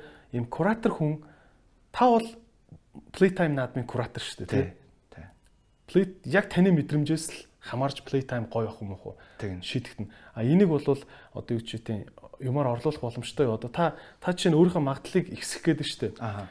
За би энэ жил нэг жоохон юу гэдэг чинь ах нэг жоохон юу байж байгаа түү. Тэгтээ нөгөө жоохон би таар байж байгаад ах нь жоохон настер тим байсан болохоор дандаа тим хөгжим оруулсан байлээ ч юм уу. Танд дээр тим гарна өстэй. Тэрийгэ та яаж гоё тохиолт юм. Яг уу одоо кураторын хувьд болохоор яг playtime угаасаа жилдээ нэг удаа хийдэг болохоор Тийм. тий. Ерөө би жишээ нь Хит 10 юм 10 цацсан фестивал хийдэг байсан бол maybe тий. Мм. Гэхдээ нэг фестивал хийдэг учраас энэ дээр бол би бүх одоо өөрийнхөө тэ энерги цаг хугацаагаа зарцуулдаг тий. Тэгээ миний үндсэн одоо хамгийн одоо би ч бас том багтай. Манай багийнхан бүгдээр ингээд э, өөрөө хариуцдаг одоо ареатай. А миний area болохоор би яг хөгжмийн хөтөлбөр хариуцсан захирал гэж боддог байхгүй playtime. Тэгэхээр хөгжмийн хөтөлбөр манад бас өөр хөгжмийн бос хөтөлбөр байгаа. Тийм. Тэгэхээр хөгжмийн хөтөлбөрийг хариуцдаг э, захирал гэдгээрээ би болохоор одоо үндсэн одоо хөгжмийн артистуудын сонголтыг нь бол э, шийдвэрийг гаргана гэсэн үг. За энэ артистыг одоо энэ тайз дээр тоглуулна, тоглуулахдаа энэ өдөр энэ цаг тоглуулна гэдэг тийм бүр гэж нэлээд нарийн гэж гаргана. Тэгэхээр тэрийг гаргахдаа 100% миний фокус бол энд нөлөөлнө.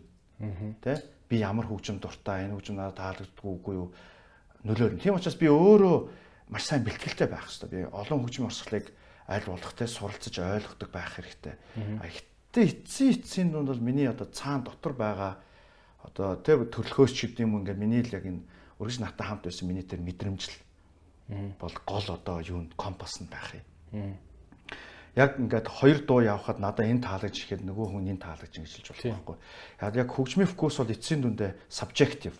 Хувь хүнээс аягүй хамаардаг те. Тийм. Орсоор ч гэсэн хэлдэг шүү дээ. Вкусах не спорят гэдэг. Тэгэхээр яг тийм учраас хөгжим яг ингээд аягүй бас хэцүү дээ ингээд маргадаг. Тийм учраас яалтчгүй тэр куратор хүн бол илүү бусад нийт дундаж одоо сонсогчдоос илүү дээр төрүүлж явж явах хэрэгтэй. Өөрөөр хэлбэл араасаа чирж явж явах хэрэгтэй гэсэн үг. Тэр хүмүүс таалагддаг юмыг тавиад байвал энэ бол э, гацчин гэсэн үг тийм ердөөсөө хөгжихгүй тэндэл байгаад байна гэсэн үг. А гэтэл цаг хугацаа өнгөрч идэг, шинэ хөгжим гарч байдаг бүхэл юмгээ хөгжөө явж идэг. Тэгэхээр тэр бүх юмдээ цаг одоо алдахгүй те э, цаг хугацаатаа нийцүүлж өөрөө байнга шинэ юм сонсож явах. Тэгээ өөрийгөө хөгжүүлж явах хэрэгтэй. Тэгээ гол нь яг тэр өөрийнхөө мэдрэмжтэй тааруулж тэр асар олон шинэ дугаас хамгийн кул гоё тим чанартай дуугийн сонгоод тэгээд тэрийг ингэж тайзан дээр гаргаж үзэгчдтэй үзүүлж ингэж дээшээ чирж явж явах Гоё үед нь гоё гаргах харгаж ирж танилцуулж штэ тий. Тэгээд яг тэрнтэй адилхан. А гэхдээ нэг хүн бол энэ бүх юмыг хийж чадахгүй те фестивал өргөжих хэмжээгээр. Тэгэхээр явандаа юу болох вэ гэхээр яг өөр кураторууд гарч ирнэ хөгжмийн чиглэлээрээ. Жишээ нь электроник хөгжмийн куратор те одоо хипхоп хөгжмийн куратор те бусад урсгалын одоо world music-ийн куратор ч гэдэг юм уу. Им чиглэлээр ингэж ялгагдаж гарч ирэх юм. А гэтээ тэр нь хэн байх вэ гэдгийг бол маш хөгжмийн мэдрэмжтэй маш их ингээ өөрийгөө хөгжүүлж чаддаг, байнга суралцж байдаг тийм л хүнийг сонгоно гэсэн. Тэгэхээр энэ сонгох хүн маань л өөр аюу спешиал хүн байна. Тэгжиж л би энэ өөрийнхөө юугаа шилжүүлнэ. Тэр хүн бас зөвхөн хөгжим судлахаас илүү бас хөгжим гэдэг чинь үргэлж мэдрэмжтэй холбогддог зүйл шүү дээ тий. Аа тэгэхээр маш олон олон сценар дээр олон өөр мэдрэмжүүдийг ингэж шунаж мэдэрдэг тийм хүн бас байвал зүгээр бах тий. Тийм. Ер нь бол нээлттэй тий. Open mind гэдэг нь шүү дээ. Нээлттэй. Нэг ямиг ингэж одоо юугаар хардгуу тий ингэж нэг бокслцсан байдлаар хардгуу. Ер нь бол бүр нариндаа яривал одоо энэ нөгөө record label гэж ярьсан шүү дээ. Нөгөө record label дотор A&R гэж ярьдаг. A&R person гэдэг нөгөө гол music person хэлдэг байхгүй. Тэр label-ийн A&R executive ч юм уу A&R person яадаг вэ гэхээр гудамжинд байгаа одоо тий артистууд энэ тэнд явж байгаа шин таалантуудыг олж нээдэг хүн байхгүй. Тэгээ олж нээгээд дийл хийгээ тэгээ од болгодог. Тэр тэгээ A&R person бол одоо хамгийн одоо мэдрэмжтэй мэдрэмжээс гадна бүтээлч креатив ингээд жимиг хардаг. За энэ хоёр урсгалыг би холиод ийм юм хийчвэл энэ шин дууралт гарах юм байна. За би энэ артистийн дууг энэ хөгжмийн зохиолчоор тэ энэ продюсераар хамт ажиллуулчвал энэ нийлээд гоё юм болох юм байна ч гэдэг юм. Энэ ямиг хардаг юм одоо хөгжмийн продюсер хүмүүс тэ A&R person гэдэг байхгүй. Яг тэрнтэй адилхан фестивал яг ялгаагүй. Фестивалууд яаж ялгах юм? Тэр чинь бас өрсөлдөө явж байгаа шүү дээ. Тэгээ яаж би одоо хамгийн спешиал юм гоё мьюзик фестивалыг хийх хөглөр яг л энтэй адилхан процесс. Тэгээ A&R person ингээд юмнуудыг харж ингэж нийлүүлдэг те. Одоо жишээ нь хинч мэдхгүй Монголдо хинч танигдаагүй гэхдээ маш гоё дуу хийцэн тийм артист стейж болно шүү дээ. Бүтэн цомгч хийсэн юм. Тэрийг олж авч стейжн дээр гаргах. Тэгээ нөгөөх нэг гудамжны булан тохоо олгоныг шалгаад ингээд шиншилж явах нь шүү дээ. Нэг тийм хүн те. Тэгээ ерөнхийдөө баар марлуу ингээд нууцаар ингээд ороо суудсан энэ төр те. Тий одоо чи Vinyl Lounge гэдэг үү. Одоо Vinyl Lounge гэдэг ийм жижиг юм клуб байдаг байхгүй. Vinyl Lounge бол өнөөдөр Улаанбаатар хотын энэ бүх тэ одоо рок инди бас тийм альтернатив хип хоп гэх юм уу те ийм экспериментал хип хоп чиглэлийн артистууд Монголд аяг их болж байгаа байхгүй. Тэдний тайзан жишээ нь Vinyl House болж байгаа байхгүй. Every weekend тэнд гэлтэй ингээл гоё ивентүүд те тоглолтууд болдог байх чинь. Тэгэхээр аль болох тиймд очиж сонсон те ингээд шин залуу хүүхдүүд юу тоглож байна тэр гэл. Тэгэхээр миний ажил баг болчихж байгаа байхгүй. Энэ бол одоо Монголын артистууд. А миний ажлын бас нэг том хэсэг болохоор би жилдээ 10 гаруй ийм юугаар явдаг байхгүй. Music showcase festival гэдэг. За. Ингээд жишээ нь 3 сард би жил бүр South by Southwest гэдэг SXSW гэ Остинд болдог. Дэлхийн хамгийн одоо том American music showcase фестивал болдог байхгүй. 2000 артист ирж тоглолт. 7 хоног үргэлжилдэг. Йоо. Би зөвхөн мьюзик сонсох. Зөвхөн мьюзик биш, комеди бас байдаг. Оо за. Комеди одоо чи чинь SXSW комедиг очиж үзэж болно. Тэр хэсгийг. Тэгээд ном байгаа. Тэгээд бүр нөгөө нэг гейминг биш тэ интерактив тэр байгаа. Тэгээд кино байгаа. Ийм энэ бүгдээрийнх нь нийлүүлсэн юм дэлхийн хамгийн том showcase and conference festival гэж ярьдаг. Тэгэд SXSW дээр очиж үзнэ. SXX SXSW дээр юу болдгоо гэхээр яг тухайн жил хамгийн их одоо Америкас гарч ирж байгаа хамгийн их одоо ирээдүйн одууд те. Жишээ нь Billie Eilish од болохоосоо тэг нэг жилийн өмнө 20 жилийн өмнө SXSW дээр оролцчихсан байхгүй. Зүгээр л ийм showcase артист. Тэгэл зүгээр би нэг иймэрхүү юм хийцэн байгаа шүү. Тэгэл үзэрэгэл продюсеруудад үзүүлэх юм шүү дээ. Тийм, яг үнэ. Нөгөө профессионалуудад те. Одоо жишээ нь мьюзикийн бүх фестивалийн захирлууд одоо бүх рекорд лейблтэй одоо бүх Spotify-д бүх дэлхийд даяар бүх music industry тэр чигээрээ Остин 3 сард очдог байхгүй. Тэгээ 7 хоног тэндэ байдаг. Тэгээд бизнес уулзалтууд болно тэгээ music одоо юу гэдэг. Тэгээ би бас нөгөө сүүлд одоо соёлын сайдад, ерөнхий сайдад бас ихтгэл хийсэн. Гэхдээ би бас хэлсэн байхгүй. Монголд одоо Монгол артистуудыг дэлхийд гаргахын тулд бид нар ийм өөр юм Mongolian тэ international music showcase фестивал хийх ёстой шүү. Тэгээд энд байгаа бүх артистуудаа тий гадагшаа явуулж тэг мөнгө төгрөг зарахгүйгээр энд нь бүгдийг байлгаж хагаад 3 4 хоногийн дотор бүх тэр дэлхийн топ те 40 50 хөгжмийн профессионалуудад үзүүлчихье л да. Тэгвэл Монголоос Билли Айлиш гарах чинь билүү те. Тийм шүү дээ тий. Билли Айлиш чи юу юм бэ? 18 настай охин унтлагын өрнөөсөө дуу гэж аваад болцсон. Үнэн үү? Тэр үнэн. Үнэн. Үнэн. Bedroom pop гэдэг. Одоо энэ bedroom pop гэдэг энэ шин жанра ердөөсөө дэлхийд бол асар их хүчин авч байгаа. Ялангуяа бүр ковид үед те нөхөө студ мөдөж болцсон. Бүгдээс л bedroom-аараа хөгжмөө өөрсдөө хийгээл дуулаад тэгэл тэр bedroom pop-ын сүүл хин Chojо гэдэг байдаг шүү дээ. Chojо гэдэг. Дуучин тий. Тий, Chojo bedroom pop хийсэн байлаа. Йоо за. Тий, тэр нэг дууг би харсан. Видеогийн ч тэр яг яг bedroom pop стайл хийсэн. Тэр яг Billie Eilish гэсэн яг тэгэж ингэ гарч ирж ирсэн. Тэгээ яаж discovery болсон бэ гэхээр яг л team showcase фестивалууд дээр Discovery болдог. А Европын хамгийн том music show case фестивал болохоор Галандд болдог. Тэгээд юу Eurosonic гэдэг нэртэй. Тэгээд Eurosonic төр болохоор Европ TV-ийн бүх одоо music одоо industry тэр чигтээ цугладаг. Дээрээс нь Америкаас, Азаас бас ирнэ. Артистууд дандаа European артистууд байдаг тийм. Тэгээ UK, French тэгэл зөндөө юм артист тоглодог байхгүй. Тэнгүүд Азад гингүүд Хятадд байна, Солонгост байна, Тайванд байна, а Бангкокт байна те ингээд бүгдээрээ хийгээд сая 7 хоногийн өмнө Vietnam Music Week гэдэг шинээр Вьетнамынх нь нээсэн байна. Оо, nice. Тэгэхээр бид нар яг Улаанбаатар одоо Music Week ч гэдэг юм уу, Mongolia Music Week ч гэдэг юм уу те. Ийм music showcase фестивалыг заавалч хийх ёстой. Энийг хийвэл бид нар манай ч зөндөө гой хамтлагууд шүү дээ. Алтан ургаас авахулаад те арга бэлэг гэдэг те одоо яг одоо хүүгийн одоо те юм contemporary болон traditional music-ийг те ийм хольж одоо fusion хийдэг юм урсгал Монголд аягүй их байгаа хгүй. Тэг бид нар юугаараа баян тим хамтлагуудаараа баян байхгүй те. Жонон эдэр гээл те энэ нөгөө ямар хамтлагч бас нөгөө Asian юунд мөнгө аваад л өсгтэн өсгтэн. Тэг эднийг бүгдийг үзүүлээл ингэнгүүт бол зүгээр рекорд лейблүүд нь дийлээ хийх нь хийн том фестивальтаа фестивальдаа урих нь урина. Тэгэл яах вэ гэхээр тэр ивентийн дараа бүтэн жилийн турш магадгүй 30 40 Mongolian артист 30 40 улс орноор явцсан. 30 40 хуу гараад ирвэл те. Тий одоо хипхопч тэр электроник дижнер зөвхөн одоо энэ юуны урсгалаар биш те Монголын одоо язгуур хөгжмөр биш. Орчин үеийн бид нар энэ pop, rock, indie те электроник энэ ч гэсэн өрсөлдөх талант Монголд байгаа байхгүй юу? Бас ийм артистууд ч гэсэн одоо trap те Монголын trap ч гэсэн дэлхийн лагш те. Тий бас гинжин тий сакс те. Тий зөндөө тийм боломж байгаа. Тэгэхээр эднийг бүгдийг ингээд бодлогоор явуулна. Гэхдээ явахт нь тэрний онгоцны зардал те зочид буудлын зардал заавч төрөөс даах хэрэгтэй.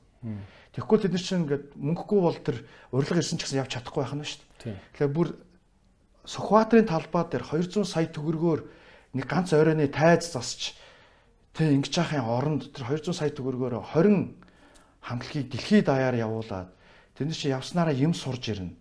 Тэгээ явснараа тэдний дуу хөгжим Spotify-аар сонсч тэ мөнгө нь орж ирнэ. Монголын зөндөө олон бенефит байгаа хэрэг тий. Тийм. Тэгэд ер нь бол эндээс чинь Billie Eilish шууд гарах хэрэгтэй шүү дээ. Тийм Billie Eilish шууд гарах хэрэгтэй.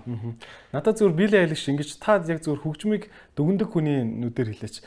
Надад зөвхөн Billie Eilish-ны ингэ санагдаад идэв шүү дээ нэг юм cynical гэж ярьдэн шүү дээ нэг тийм. Нэг тийм жоохон нэг жоохон зөвүүн чим шиг нэг юм хорон санаатай чим шиг тийм. Жоо муу санаатай чим шиг. Нэг тэгтээ нэг юм өсвөр насны нэг тийм үе байдаг дээ нэг юм юу гэдэг юм би өстой хүн болгоныг үзээд чинь өдр гэж мэгдэгтэй нэг яг нэг тийм өсвөр насны одоо ингээд нийгэм нийгэмдээ дургуун энэ төр байгаа тийм эмоцийг нь авангуудаа тэгээ тэрийг юм жоох юм play playful маягийн тийм жоо хөгжмөлөг бас юм бүжгэлүүл бүжгэлчгээр ийм юмтай холиод тэгээ яг нэг тийм охиныхон дүртэй шүү дээ. Өөрөө ч хүмүүс нэг хомс хомс янзын будцсан эрэгтэй хөлт мөгчөг ховцолж мовцлаад нэг өөрийгөө арай олоогүй байгаа ч юм шиг тийм нэг юм нэг юм шилжилтийн үеийн настрыг ингээд хөгжим болгоцсон юм шиг санагддаг байхгүй надад Та та юу гэж хардаг? Тий, эмо гэдэг. Буруу хараад байна. Бүр э, одоо нэг орсын хүртэл эмо гэж нэлээд. Тэгээд эмо гэдэг нь emotional үгнээс гаралтай үг. Тэгээд emotional гэхлээр нөгөө lyrics нь үг нь айгүй хувийн шинжтэй. Өөрийнхөө юу мэдэрч байгаа, юу бодож байгаа илэрхийлсэн ийм одоо emotional үгтэй ийм дуу хөгжмийг эмо дуу хөгжим гэж ярьдаг. Тэгээд энэ ч дотор бит өвтөө те. Тий. Үзэгчээ. Тэгээд emo pop, emo hip hop тэ emo rock гэж зөндөө одоо энэ дотор ингэ явж байгаа. Тэгээд сүүлийн үе ялангуяа teenagers тэ залуу үеийнхний сонсож байгаа хөгжим бол ийм emo хөгжим айгүй хүрдэг болцсон. Тэгээд тэрний яг нэг одоо жишээ нь Billie Eilish байна. Өөр бас хэн блэ нэг одоо хип хоп нэг артист байсан юм нас орсон би нэрийг санахгүй. Тэр яг бас хамгийн анх яг энэ одоо trapтэй emo trap-ыг яг гарч ирсэн залуучуудын. Тэгээ тэр ингээд хөгжин бол ердөөсөө ингээд залуучуудыг бол ердөөсөө ингээд шууд тэр чигтээ ингээд эзэмдэж явах жишээ тий. Тэгэхээр Билли Айл шиг тийм байхгүй. Тэгэхээр хөгжмөхөөс илүү баг тэр эмошн дээр нь тоглож шít тий. Хүчтэй байгаа. Тий, лирикс бас аюу импортент байгаа энэ хүүхдүүдтэй ингээд яхад.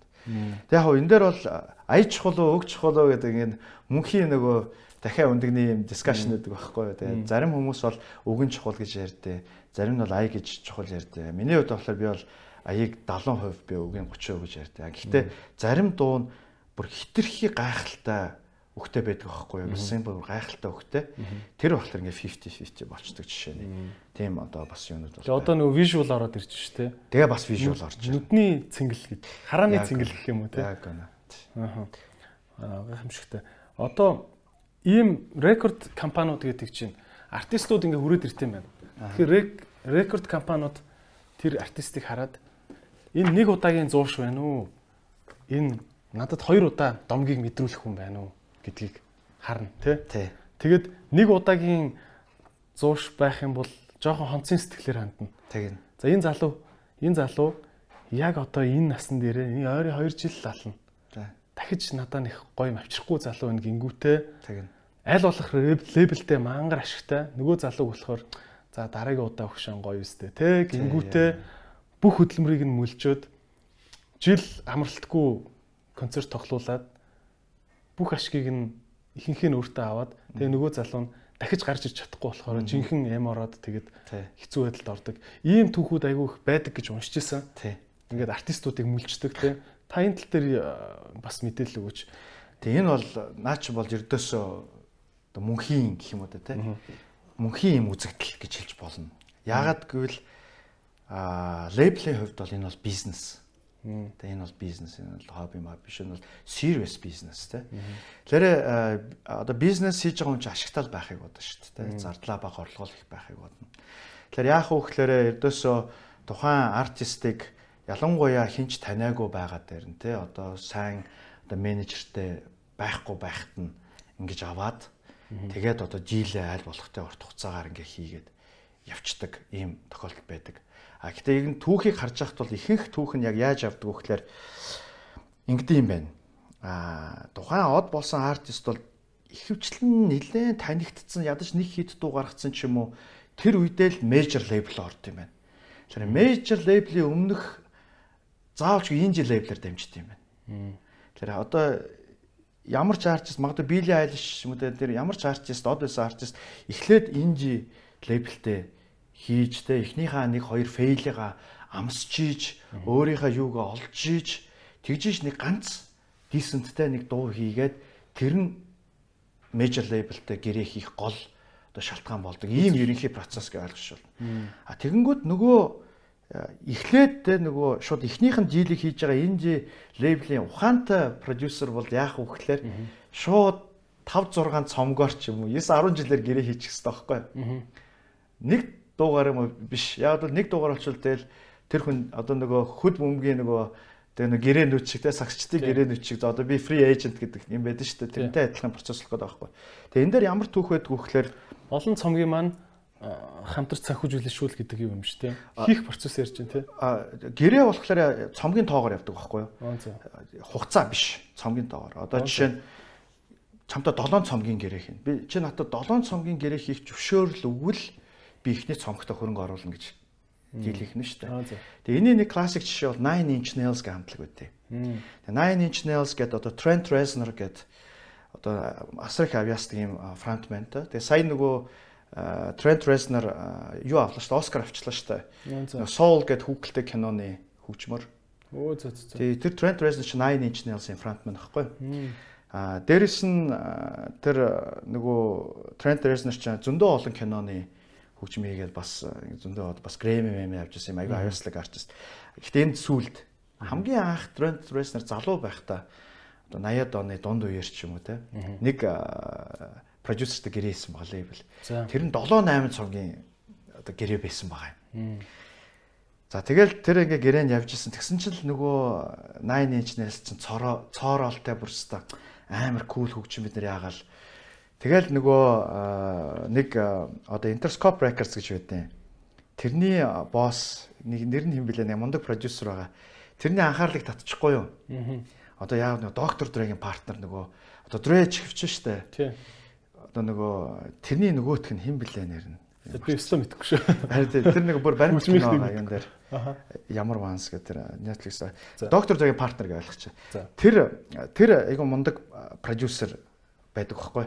Тэгээ манай хүн ч бас яг жоохносоо эхлэе. Тэгээд энэ доктор Дрэтэй ингээд хамгийн анх лейблийг яагаад ер нь айгу олон мундаг хипхоп артист гарч ирсэн, зөндөө рок артист гарч ирсэн тийм лейблүүд. Тэр хүн нөгөө 9 inch nails-ын продюсер очихгүй юу? Очоод за ингээд би энийг өөрийнхөө лейблд авчмаар байна гэж надад зараач ээ тий. Одоо ингээд а, чи яг юм гэрээтэй эмэгтэй одоо чи ингээд болчих болохгүй уу? Тий. Одоо би энэ хүнийг одуулах гээд байна. Тэгсэн чинь нөгөө одоо хамгийн анхны одоо хийсэн продюсер нөө нөө хизээч үгүй гэдэг. Тэг бүтэн жил Өдөр болгон уццсан байгаа. Тэр хүн рүү. Бүтэн жил. Өдөр болгон тийм өөхгүй байхгүй тэр миний яриад байгаа тэр нөгөө доктор зөгийн партнер продюсер. Тэгэл өдөөсөл хийдэг ажил нь уцаар л яриад байдаг гэж. Тэг нөгөө хүн чинь ингээ бүр өөрөө бас амар зөрүүд хүн байх нь шүү дээ нөгөө тэр 7 цомгийн гэрээ хийцэн те 9 инчнээс бол минийх гээд. Тэгэл эрдөөс бүр сүултээ тэгэл зөвшөөрсөн байна. Тэгээ зөвшөөрөхдөө бас дундын жил мэл хийгээд. Тэгээ 9 инчнээс манай хүн рүү очиод тэгээд тэрний дараа 9 инчнээс бүр хамгийн одоо топ цомгуудаа гаргаад ингээд одоогийн суперстар болсон жишээ байдаг байхгүй. Тэгээ одоо мейжер руу шилжсэн ба шүү дээ энэ жигээс. Тэгээд тэр нэг кинон дээр нь тэр нөгөө эрхээ зарсан продюсер асуудаг байхгүй. Та тэгээ яг тэр зарах шийдвэрээ яаж одоо яа гарсан бэ гэсэн. Би үнэхээр салмаар санагдсан. Өдөр болго уцтаад бүр энэ хүний өөхгүй байдалд нь одоо нэг талаас би хүндэлсэн. Нөгөө талаас тэгэл нөгөөт бүр ингээд тэгэж яасан ба гэсэн нэг түүх байт юм бэл. Тийм ээ. А одоо тэгээд тэгэхэр чин тэр яахгүй юм уу? Major level руу шилжүүлчихэр тэр инди лейбл нь яах юм зүгээр л одоо энэ контракта цааш нь дамлчж байгаа юм биш үү те? Ян зүрийн гэрээнүүд ээж болно. Жишээ нь шууд ламп самаар зарчиж болно те. Одоо 7 цомгийнхаа эрхээ give up хийж гэсэн үг шүү дээ. Тэгэхээр магадгүй тэр одоо 2 3 цомгийн бичсэн байсан цаана 4 цомог үлдсэн байвал тэрний те ирээдүйн ашигыг ингээд тооцоолоо зарчиж болно. А миний ойлгосноор тухай энэ хоёрын гэрээ нь юу байсан бэ гэхээр нөө share. Өөрөөр хэлбэл би ингээд бүх продюсеринг нэг яа. Гэхдээ чи энэ ирээдүйн цомгуудаасаа тэдөө биш шаармаар аав гэдэг ч юм уу. Тэгтээ бас ингэмэр инк юм шүү нацгах. Инди лейблтэй бас нэг зөрүүд нөхөртөө нөгөөх нь их олигтой ажиллаа хийдгүү. Нөхөртөө 7 8 гэрээ цомгийн гэрээ зурчвал тэгээ түгжигдээд өөр гой лейблтэй юм хийж болохгүй. Тэгээ нөгөөх нь чи гэрээгээ хар гэд тэгсэн мөртлөө нэг хөгжмийг нь бас олигтой гой болгож өгч байгаа юм байхгүй. Бас ингэ гацчих магадгүй юм тийм түүх зөндөө байна. Одоо принцийн жишээ нь одоо агуу принц ч бас тэр нэг гэрээнээс болж бүүн асуудалд орсон байдэн шүү дээ. Тэрнээс болж нэлээ олон жилиг те юм хийхгүйгээр албаар ингээд зарим бүр албаар юм хийхгүй эн чинь нөгөө яг гэрээнийхаа юундэ баригдаал тэр нөгөө хариу юм уугаа нөгөө дайн гэх юм уу да тийм тийм түүхүүд зөндөө байд юм бэл тэр бол энэ хөгжмийн юм артистуудын бас Taylor Swift чинь би нөгөө ягаад энэ хэрүүлийн юм асуусан гэхээр Taylor Swift чи хэрэлцэн шүү дээ. Тэгсэн. Тэнгүүтээ юу вэ? Би нэг дуунаасаа ганц доллар олж явахт энэ Apple Music энэ лейбл компаниуд намайг мүлжиж гин гэд тэ. Тэгээ би шууд дуу хийхэ боллоо мөлөөч үлээ баг Apple-тай Twitter-ээр хэрэлцсэн шүү дээ. Та санаж байна уу? Taylor Swift бол их юу эмхтэй. Яг одоо энэ дэлхийн хөгжмийн авч үзэхэд Taylor Swift бол ийм trailblazer гэдэг шүү дээ. Одоо эмний ингэж төрүүн ингэж мөс хаглагч тийм мөс хаглагч тийм маш одоо brave те зоригтой ийм эмхтэй юм байлаа. Эхний жишээ нь бол чиний сая ярьсан Тэ? Одоо Spotify, Apple гээд ийм стриминг үйлчилгээнүүд ердөөсөө дамгаалаад тэ? А ихэнх одоо орлогыг одоо тэ? Ритейлийн орлогыг бол бүрдүүлдэг болсон. Тэндээс артист нь өгж байгаа хувь нь айгүй бага. Тэ? Айгүй бага ноогдож очиод байдаг. Тэрийг эсэргүүцэж тэ? Одоо music creator тэ? Бүтээгч нарт ноогдох хэвээр хувь нь өндөр байх хэвээр гэж бүх дууга татаж аваад тэ? Одоо тавиулахгүйгээр ингэж одоо бослог хийсэн гэх юм уу да эхний жишээ. Хоёр дахь жишээ нь болохоор би түрүүн хальт дуржсэн Taylor Swift-ийн лейбл байгаа байхгүй юу? Тийм. Одоо өөрийнх нь хамгийн анханасаа ингэ явжсэн лейбл. Тэр лейблтэйгээ манай хүн 4 байнуу 5 цомог хийсэн юм бэлээ. Дандаа юм хит цомгууд дандаа number 1 юм альбом нь. Гэхдээ нөгөө лейбл артистын гэрээний нэг онцлог юу гэдэг вэ гэхээр бичлэгийн эрхийг лейбл эзэмшдэг байхгүй артист биш. Артист орлогоос нь хувь эзэмшдэг. А бичлэгийн эрх гэдэг тухайн одоо тэр файл биш үү те одоо тэр дуу нь одоо аудио файл гарчлаа шүү. Тэрний эрх нь бичлэгийн эрх нь юун дээр байдгийг лейблтэй байдгийг. А зохиогч эрх буюу тэр дууг зохиосон хүний эрх нь бол Taylor Swift байгаа байхгүй яа одоо Taylor Swift өөрөө бүх дуугаа зохиоцсон учраас. Тэгээд энэ хоёр чинь хоорондоо яагаад маргаан үүссэн бэ гэхээр нөгөө лейблийнх нь босс нь манай хүний бүх тэр 5 цомгийнх нь бичлэгийн эрхийг нөгөө хөрөнгө оруулалтын компани 150 ч 160 сая доллар зарцсан байхгүй. Дамлцсан тий. Taylor Swift-аас асуугаагүй зарцсан байхгүй. Аа. Тэгсэн чинь Taylor Swift уурлаад яагаад ингэ надаас тэ асуухгүйгээр миний энэ дуунуудыг яаж байгаа ингээд тэгэхээр нөгөө үгүй эн чинь миний угаасаа л мэдлэг юм шүү дээ тийм ээ асуух албагүйгээр. Тэгээд энэ хоёр чинь муудалцаад тэгсэн чинь Taylor Swift яасан гэж манай хүн шарандаа нэг жилд 3 4 цомог шинээр бичээд энэ удаад өөрөө бичлэгийнхээ эрхээ ингээ өөр дээр аваад Тэгээд тэд нар number 1 2 ингээд цомгод болоод ингээд бас яатсан шүү дээ. Зөө. Ер нь хүсвэл лейбл компаниг бүр хүсвэл алгасчих болох юм шиг. Тийм. Тэгээд манай хүн хүсвэл тэр өмнөх бичсэн 5 цомгоо ч гэсэн дахиад шинээр бичиж болох байхгүй. Тэгээд шинээр бичих учраас бичлэгийн эрх нь өөр дээр нь үлдэн гэсэн үг. Шинээр тэгээ жоо өөрчилж дуулна гэсэн үг. Тэгээ өөрчилж болно, оригиналаар нь ч дуурсан болно. Яа тэгтээ. Яагад гэвэл хамгийн үндсэн дуу хөгжмийн суур эрх нь зохиогч эрх байдаг байхгүй юу? Одоо жишээ нь өөжигийн зохиосон хайрын бурхан гэдэг байдаг шүү дээ. Гэхдээ уучлаарай хүнд бичлэгээ хийж өгч маа бичлэгийн ирэх шүү энэгээр мөнгө олоороо гэж зарчингуудаа араас нь яг адилхан болгоор яг адилхан нотор дуулчих чинь авцчихгүй юм. Тийм тийм мэдээж тэр бичлэгийн ирэхэ хамгаалах юунууд бол орно шүү дээ тий. Юу гэдэг яг одоо ингэ бичсэн бол те дахиад одоо яг энэ байдлаар энийг бол дахиж одоо бичихгүй шүү. Тэ өөрөөр хэлбэл зохиогч эрхийг яг ийм байдлаар өөрхөнд олохгүй шүү гэдэг юм хамгаалтын юунууд мэдээж орж ижил явна дээ. А гэтээ яг хуу саяны Taylor Swift-ийн тохиолдол болохоор хоёулаа ингээд гэрэмэрээгээ салгаад ингээд яатсан ба шүү дээ юмнууд нэг хоёр тишээ болцсон. Тэгээ яг би нөгөө түрүүн юу ярих чийсэн бэ гэхээр дуугч минь суур ирэх нь бол зохиогч ирэх байдаг. Зохиогч ирэхлээр тухайн дууны аяыг зохиосон те шүлгийг зохиосон хүмүүс хуулиараа ямар эрхтэй байдаг гэхээр хэн миний дууг бичиж болох уу, хэн дуулж болох уу? гэдэг эрхэн тэр зохиогч ирэх эзэмшигчтэй байдаг байхгүй. Өөрөөр хэлбэл дураараа энэ тэн тэр дууг дуулаад яваад иж болохгүй байхгүй. Одоо фестивал дээр ч гэсэн хүртэл дууллаа гэхэд те одоо хин нэгний дууг одоо жишээ нь дууллаа гэхэд заавчгүй тэр хөгжмийн зохиогч нь зөвшөөрөл авах хэрэгтэй байхгүй. А амьдрал дээр яаж энэ зохицуулж явдггүй гэхээр хамтын удирдлагын байгууллагаас нь зөвшөөрлийг авчихдээ. Тийм учраас жишээ Playtime фестивал гингүүд Playtime фестивал дээр дуулж байгаа бүх дууны зохиогч эрхийн төлбөр гэж мөнгийг Playtime фестивал Маскапт төлдөг байхгүй. Тэгээд Маскап дээр авсан мөнгнөөсөө тэр дууныг зохиосон хөгжмийн зохиолч 10 найрагчд мөнгөнд хуваарлах үүрэгтэй. Гадаад дуу дуулвал бас ялгаагүй төлнө. Гэхдээ тэр Америкийн ч юм уу Английн хөгжмийн зохиолчид нар байвал Америкийн Аскапт тэр мөнгөний яг тэр гадаад дууныхаа мөнгөний төлөөд Английн дуу бүтээгчдийн холбоо маягийн юм биш баг тэгж ойлгож болох уу? Биш, хамтын удирдлагын байгууллага. А дуу бүтээгчдийн холбоо гэж хуучин нэрлэгдсэн MCPP гэдэг тэр болохоор бичлэгийн эрхийн хамтын удирдлагын байгууллага. Тэгэхээр хамтын удирдлагын байгууллага хоёр байдаг. Нэг нь зохиогчийн хамтын удирдлагын байгууллага гэдэг нөгөө хөгжим зохиолч 10 найрагчтай төлөөлдөг. А бичлэгийн эрхийн хамтын удирдлагын байгууллага гэдэг бичлэгийн эрх эзэмшдэг продюсер лейблүүдэд төлөөлдөг юм. Хоёр хамтын удирдлага байгуулалт байдаг байхгүй. Тийм ээ. А бичлэгийн энэ тэнд ашиглавал тэр бичлэгийг ашигласныхаа төлбөрийг тэр бичлэгийн хамтын удирдлагын байгууллага төлнө. А бичлэг ашиглаагүй зүгээр дуулсан бол зохиогчийн хамт удирдлагын байгууллагын төлбөр. Аа тийм ээ тийм ялгаатай ашигласан байдлаараа тэр дууг яаж ашигласан байдлаар гээ ялж авдаг тий. Тийм ээ.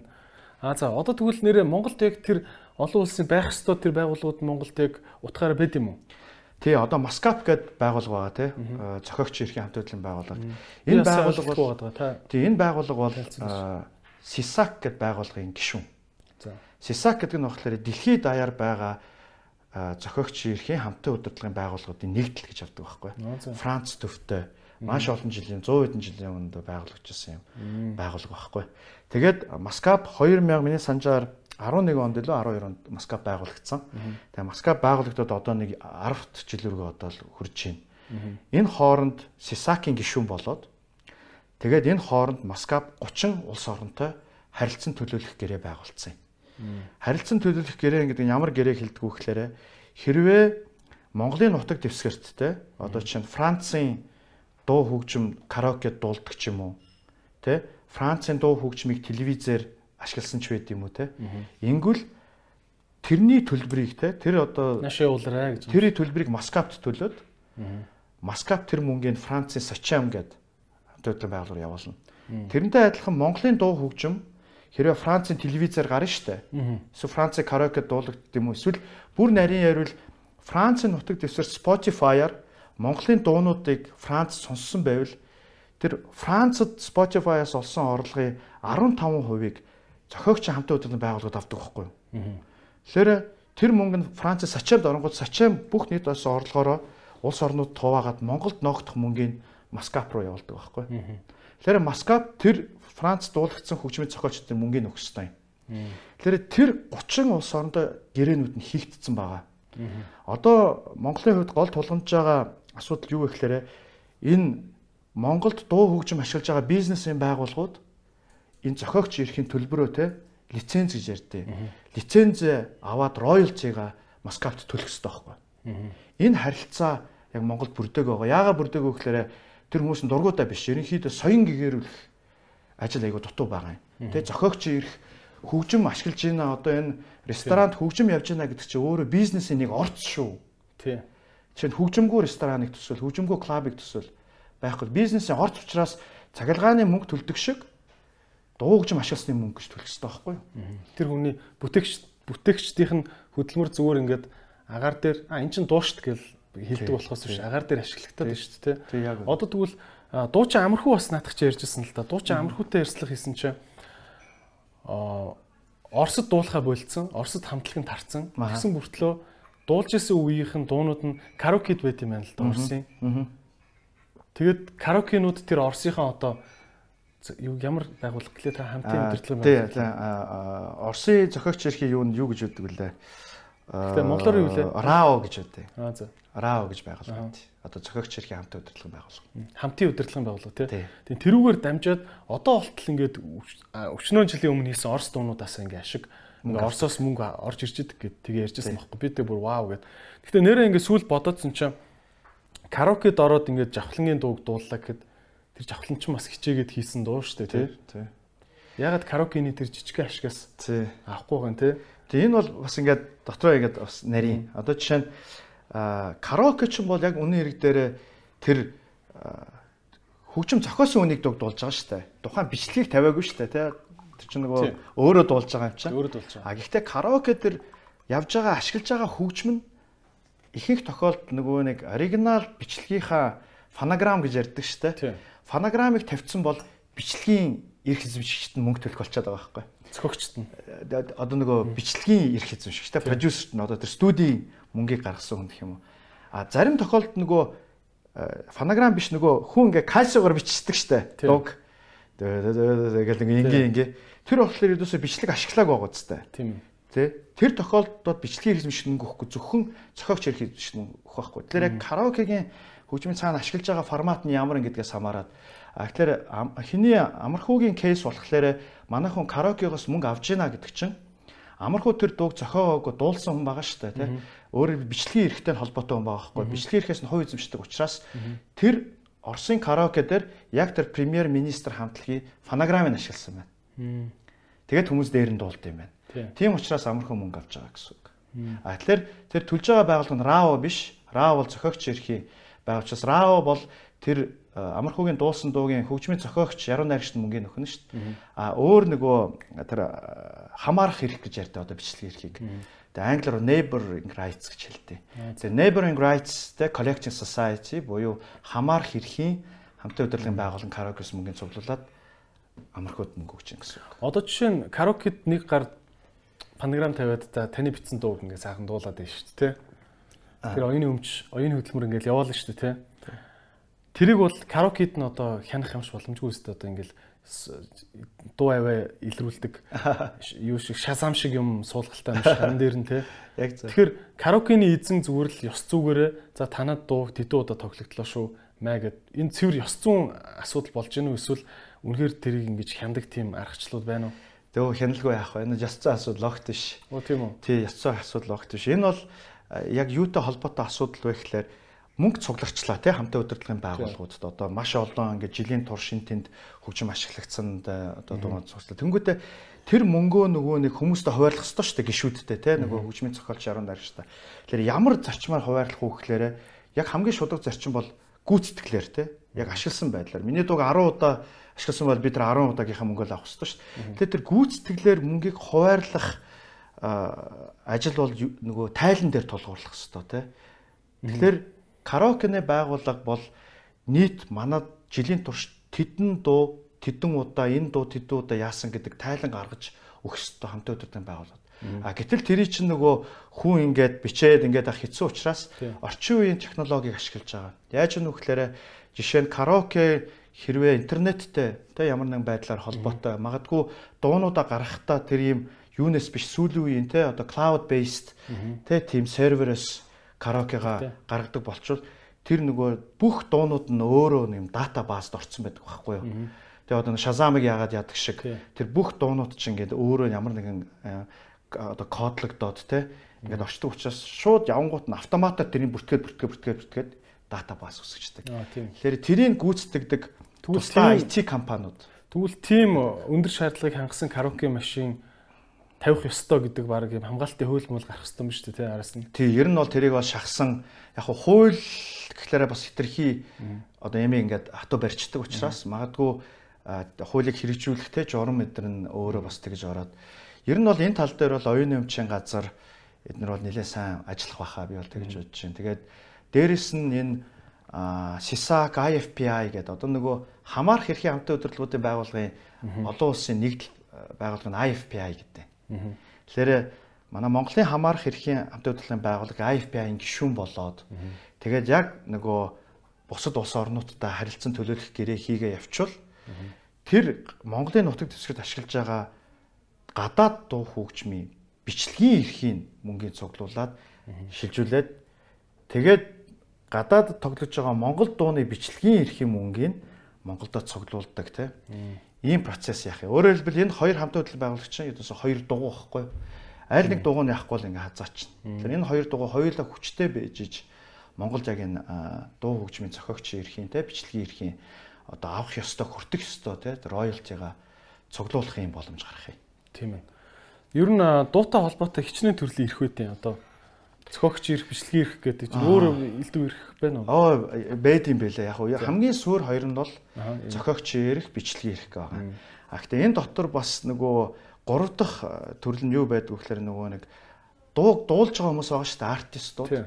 Одоо перформер гэж ярьдаг тийм а, перформеруудын хамтын удирдлагын байгуулагч бас байд юм бэл.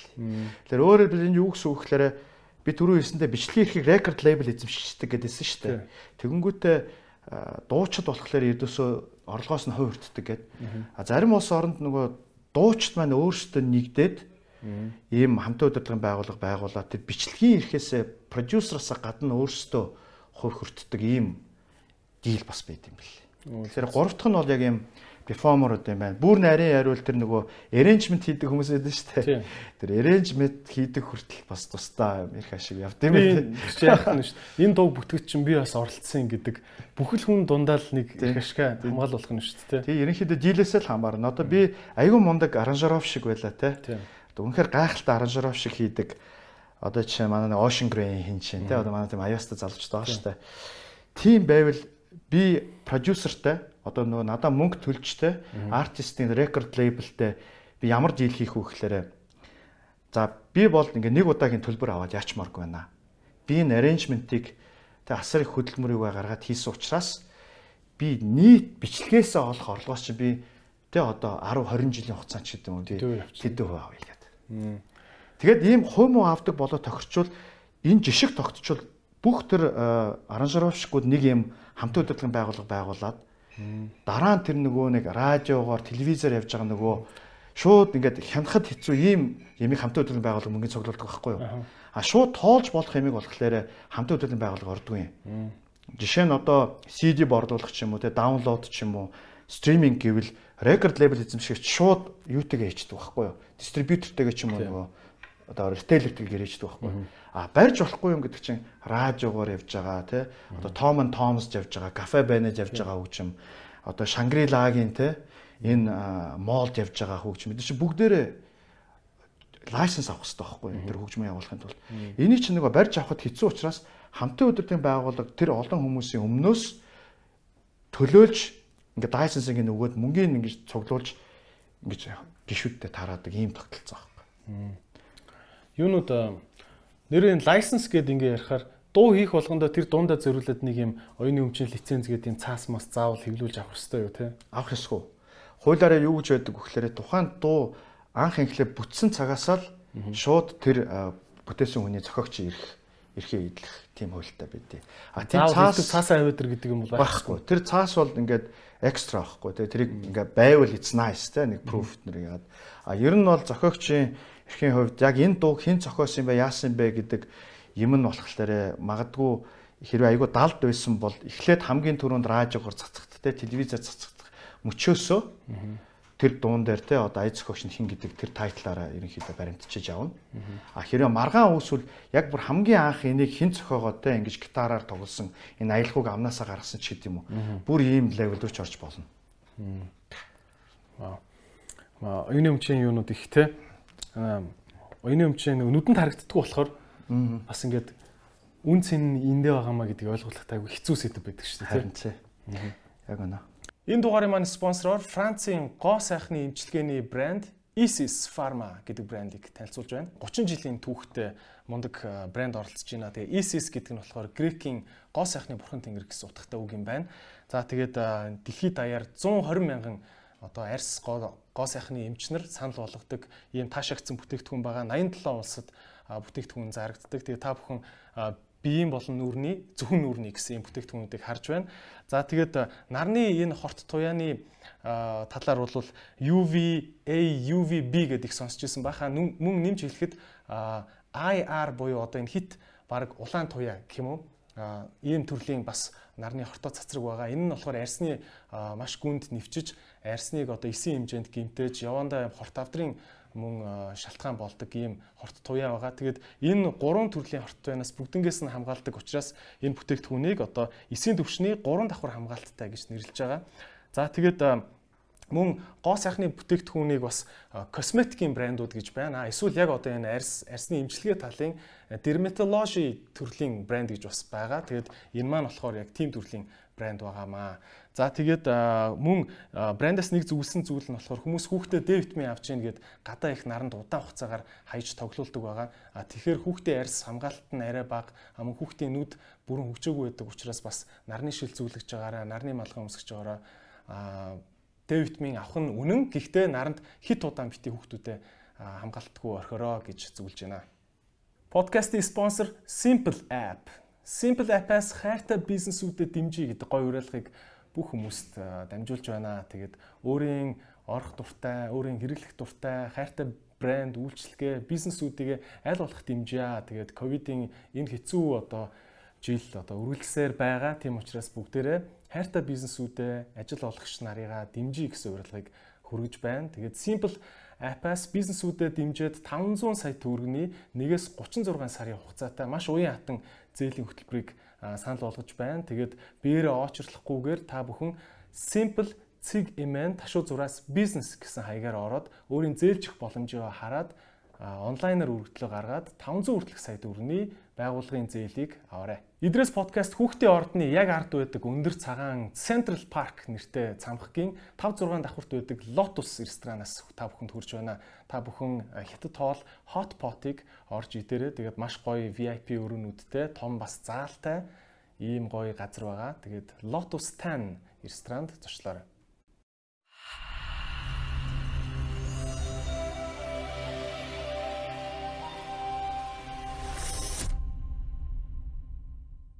Нацгайхаас одоо энэ playtime дээр бас нэг юмыг нэг ингээд жоохон суур сууртай мэдлэгтэй очоод таашаах нэг өөр зүгээр харахгүй очоод таашаах нэг өөр хоёр өөр төрлийн кайф мэдэрдэг шүү дээ тий. Би бас ингэж бодоод байна л да. Одоо ялангуяа энэ жил фестивал тэгээд тэгээ ковид мовид ингээ гайгүй дархлаажаад ингээд явчаасаа гэж бодож байна. Тэр тэргүй задгаан юм чинь тий. Тэгээд Playtime дээр очихдоо энэ жил би очихдоо бас нэг танаас одоо нэг жоохон номын дуу сонсч очимоор байгаа байхгүй. Арай нэг гоё таашаамар штэ. Зүгээр өө тэр хамтлаг ирсэн байлээ гэдээ очих биш. Аа ийм учиртай цаана юм куратор те. Куратор нь ийм юм бодож ингэж мэдрүүлэх гээд байгаа юм байна гэдгийг мэдмээр штэ те. Тэгээд за зөвхөн энэ жилийн тухай дээр а энэ жил Playtime дээр хідэн төрлийн тайзууд засагдах уу? Тэр тайз болгоны цаатлын санаа нь юу? Одоо хөгжмийн жанр гэхээр ингээл хэдэн мянган төрлийн жанр баг шүү байна те. Та аль жанрыг аль цаг үед нь хаана хүмүүст мэдрүүлэх гээд байгаа. Нэг жоохон тэр суур боловсрал өгөөч те. Тий, яг зөв. Тий, фестивал бол ердөөсөө гол суурь нь одоо хөгжим те. Тэр хөгжимчин дотор олон янз байгаа. Тэгээ фестивалийн одоо өөрийнх нь өнгө төрх нь бол хөгжмөөрөө тодорхойлогддог те. Дэлхийд бол аюул олон төрлийн фестивал байгаа те. Хөгжмөөр ингээ ангилагдсан. А Playtime фестивал энэ жил болохоор одоо илүү хөгжмийнхаа сонголтын хувьд илүү өргөн фестивал болж байгаа. А уламжлал нь бол ерөнхийдөө рок, инжи хөгжмөөр суурилсан фестивал байсан. Тэгээд 2015 оноос Nagli Hats гэх шин тайз одоо гаргаад электроник хөгжим анх удаа орж ирсэн. А тэгээд 19 оноос болохоор хипхоп орж ирсэн тий одоо Ice Stop хамтлаг тэгээ гинжин энэ ингээд дуулсан. Тэрний өмнө бас мих захгүй Баян Монголын оркестратаа бас дуулж байсан юм түүх байдаг байхгүй юу. Тэгээд хипхоп хөгжим орж ирсэн. За энэ жил болохоор а тэгээ бас жаз хөгжим байсан. Жаз хөгжим болохоор Lavian Rose гэдэг асар дотор ингээд жаз хөгжим байнга явдаг байсан.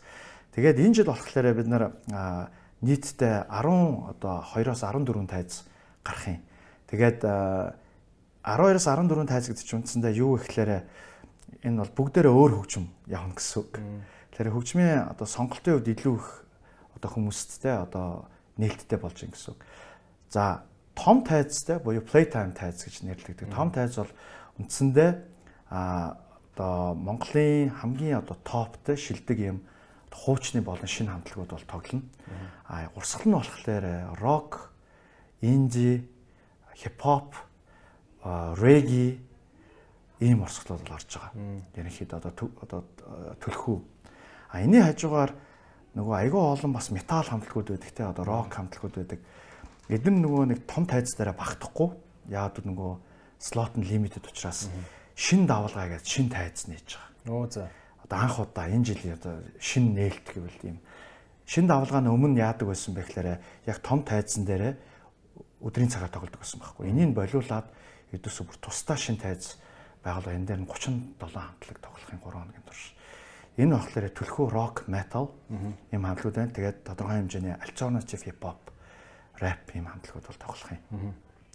За тэгээд Lavian Rose гэдэг асуун болохоор үндсэндээ jazz, soul хөгжмийн, акустик хөгжмийн юм тайз байна.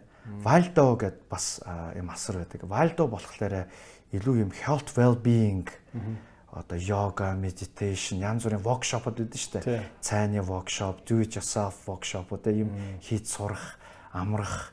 Тэнд болохоор бас тодорхой хэмжээний акустик ийм хөгжим бол явах юм. А тэгээд шинээр одоо тэгээд үндсэн том электроник хөгжмийн тайз байгаа. Nagli Hats гэдэг. Nagli Hats гэдэг нь болохоор цахилгаан гэдэг үгийг эргүүлсэн үг байхгүй юу? Тэгээ Nagli Hats тайз болохоор одоо электроникийн хамгийн том тайз. Энэ дээр болохоор манай Монголын хамгийн шилдэг топ дижнер тоглох юм. Төлхөө техно хөгжим явна. Техно хаус ийм хөгжмөд бол явах бах. Дотроо энэ ч бас айгүй олон чиглэлээр бас задраад явдаг. Галтаа стейж гэж байгаа. Одоо монгол шитгэн нэг галын наадмын area байдаг шүү дээ. Тэндээ гал асаагаад ингээд тойроод хөгжим явах нь л та хүмүүс үгүй. Тэр болохоор хамгийн хардкор хөгжмийн хэсэг байх юм. Одоо prodigy те.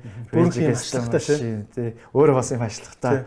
Тэнд болохоор рок, метал сетууд явах бах. Тэгээд тийм электроник хөгжим дотор хамгийн хүнд тийм орслууд нь явах юм. Хэрмэн цав гэж байгаа. Хэрмэн цав гэдэг нь тэр монгол шилтгэний юм нэг хан өдөн шүү дээ нөгөө тэр хамных нь яг дээр нь нэг юм голд нэг юм нэг юм дээрээ гараад тий тэнд болохоор хамгийн тийм чийл хөгжим явах. Чийл лаунж. За тэр нь электроник, хипхоп төрөл бүрийн урсгал юм хөгжмөд явна. Тэгээд энэ жил шинээр нэг стейж нэмж байгаа. Бид нар диско гэр гэд за. Тэр диско гэр болохоор одоо яг чиний дуртай хөгжмийн одоо шин юм стейж нэгж байгаа. Тэнд болохоор дандаа юм одоо диско хөгжим те 70 80 90 оны юм диско хөгжим сүүлийн нүү диско хөгжмөр ингэ дагнсан юм диско гэр нэгдэж байгаа. А тэгээд түүнээс гадна бас нэг шин юм асар нэгдэж байгаа. Тэр асар маань болохоор бид нар юм афробит, реги Тэ? Одоо 60 70-аад оны soul гэж ярьдгийг. Ийм харьцангуй Монголд obscure дэ хүмүүс сайн мэдхгүй ийм хөгжмийг ингээм анх удаа чимэг болгож харж байгаа. Өөрөөр хэлбэл яг үнэн хэрэг дээр би нөгөө Fuji Rock Festival дээр яаж байгаа энэ хөгжмүүд Аргентины, Латины хөгжмтэй, Африкийн хөгжмөд чинь бүр суурь нь олцсон байт юм билээ. Одоо орчин үеийн нөгөө хөгжмөө бүр тоохоо байцсан. Тэр нь бүр ингээ абсолют болцсон. Ийм л юм байлаа. Тэгэхээр яг Монгол ч гэсэн бид нэ тэ бас энэ дэлхийн томоохон юм одоо континентын те хөгжмүүдийг анх удаа оруулж иж яа гэдэг. Өөрөөр хэлбэл хөгжмийн хувьд бол төрөл бүрийн хөгжмүүд тэнд явна. Тэгээд хөгжмөө ялгаж сонсдог ийм хүмүүс бол яг нэг зэг дээр л байх бах те. А хөгжмийг одоо бас тэр болон сайн одоо ингэж гүнзгий сонирхдаггүй. Гэхдээ ингэж сонирхож үзэж байгаа хүмүүст бол бүх тайзуудаар нь тойроод яваараа л гэж зөвлөмөр байна. Тэгээд тэндээс яг өөрийнхөө спотоо олно гэж бодчих. За энэ яг миний юу юм бэ гэгээд захын матч матч газар болоод аа энэ гоё юм дээ. Тэгээ ерөнхийдөө бол Playtime фестивалыг бол хөгжмийн меломануудын фестивал гэж хэлэх нь зүйтэй байна. Анхнаасаа түүхээс авахуулаад очдог байсан core одоо тэ үндсэн үзэгч нь бол дандаа хөгжим нэлээ гүнзгий сонирхдаг. Ер нь бол бас нэлээ юм үзэж харсан өндөр боловсролтой тэ бас гадааддаа сурж исэн яг ийм л залуучууд байдгийг анзаараад багт. А гэхдээ би бас юу гэж боддог вэ гэхээр зөвхөн тэр хүмүүсээ ингээд хязгаарлах биш. Одоо жишээ нь шин дөнгөж одоо хөгжим сонирхож эхэлж байгаа тий 18 настай 19 настай яг хөгжмийн төлөвшөл яг тэр насн дээр явдаг байхгүй 18-аас 22 насны хооронд. Яг энэ насн дээр явж байгаа залуучууд ирүүл яг өөрийгөө олж авах тий хөгжмийн хувьд ийм боломж байгаасаа гэж харж байгаа. Дээрээс нь бас одоо жишээ нь хөдөө орон нутагт байгаа залуучууд байгаа шүү дээ одоо аймаг орон нутагт. Энэ залуучууд ч гэсэн яг үндэ хэлэхэд орчноосоо болоод одоо хөгжмөр хязгаарлагдах ёсгүй байхгүй юу. Тэгэхээр энэ залуучууд ч гэсэн play time дэрж үзээсэй те. Тэгээд бас өөрийгөө хөгжүүлээ дараа нь нутагтаа очиод те бас гоё тэндээ энэ хөгжмийг түгээгээсэй гэж бас бодсон. Ер нь бол play time фестивалыг яг утгаараа энэ Монголын те энэ хөгжмийн яг хөгжим хамгийн хайртай тэрнийх нь юм юу төв нь болоосаа гэж. Тийм ээ. Аа орон нут орон нутгаас ч одоо бүхэл аймгийн төвүүд хар замаар холбогдсон байгаа тийм бүгдээр машина унаал хүрээд хүрээд ирнэ шүү дээ тийм үстэй. Тэгээ ирээд бас майхангаа засаад яг ингээд отоглон шүү дээ тий. Тий, яг үнэ. Аа юун дээр юу артистуудын хувьд хараад хад юм фестивал дээр зарим артистуудын цоо шин дуугаа ингэж гаргаж ирт юм билээ л дээ тий. Дебют хийн. Тий, яг тий. Аа тань дээр одоо тим артистууд ирсэн байгаа юу? Энэ 100 яг playtime дээр гаргана гэд дуунууд бэлтэж байгаа юмнууд байна уу? Бага зөндөө хамтлагууд бэлтэж байгаа гэсэн. Аа ер нь бол одоо ингээд артистуудын хувьд процесс яаж явдаг вэ гэхээр эдгээр дууга бичнэ хэдэн сар. Тэгээ яг дууга цацах болдог те. Зарим нь бол видео гаргана, зарим видео гаргаж амжихгүй гэж болно. Гэхдээ яг амдаар бол те лайв болоод тэд нар бол дуулна штэ. Яг тэрнийхээ эхний стейжийг те одоо дебют стейж бол фестивалыг сонгох нь айгүй их байдаг. Яагаад тэгдэг вэ гэхээр на фестивал дээр айгүй олон үзэгч ирдэг учраас зөвхөн өөрийнх нь фэнүүдээс гадна зөндөө олон өөр үзэгч байгаа дээ. Тэгээ тэр шин дуугаа задлж хүргэснээрээ өөрийнхөө фэн бейсээ өргөжүүлэх те шин фэнүүд олж авах. Эсвэл өөрсдийнхээ бие даасан том тоглолтынхаа өмнө те шин дуугаа фестивал дээр задлж дараа нь яг одоо фэнүүдэд зориулсан бие даасан тоглолт дээр тэрийг дахиж одоо дуулж хүргэх гэдэг юм уу. Иймэрхүү янз бүрийн стратегис байгаа. Тэгэхээр артист бол өөрөө лейблтэй менежертэй бол энийг одоо чинь наацхан сет гэж байна шүү дээ. Одоо 40-с 50 минут дуулаа гэхэд эхлээд ямар дуугаар дуулах вэ? Төсгөлд нь ямар дуугаар дуулах вэ? Дундаа ямар дуугаар дуулах вэ гэдгийг сет одоо бичнэ гэдэг чинь өөрөө тусдаа урлаг байхгүй юу?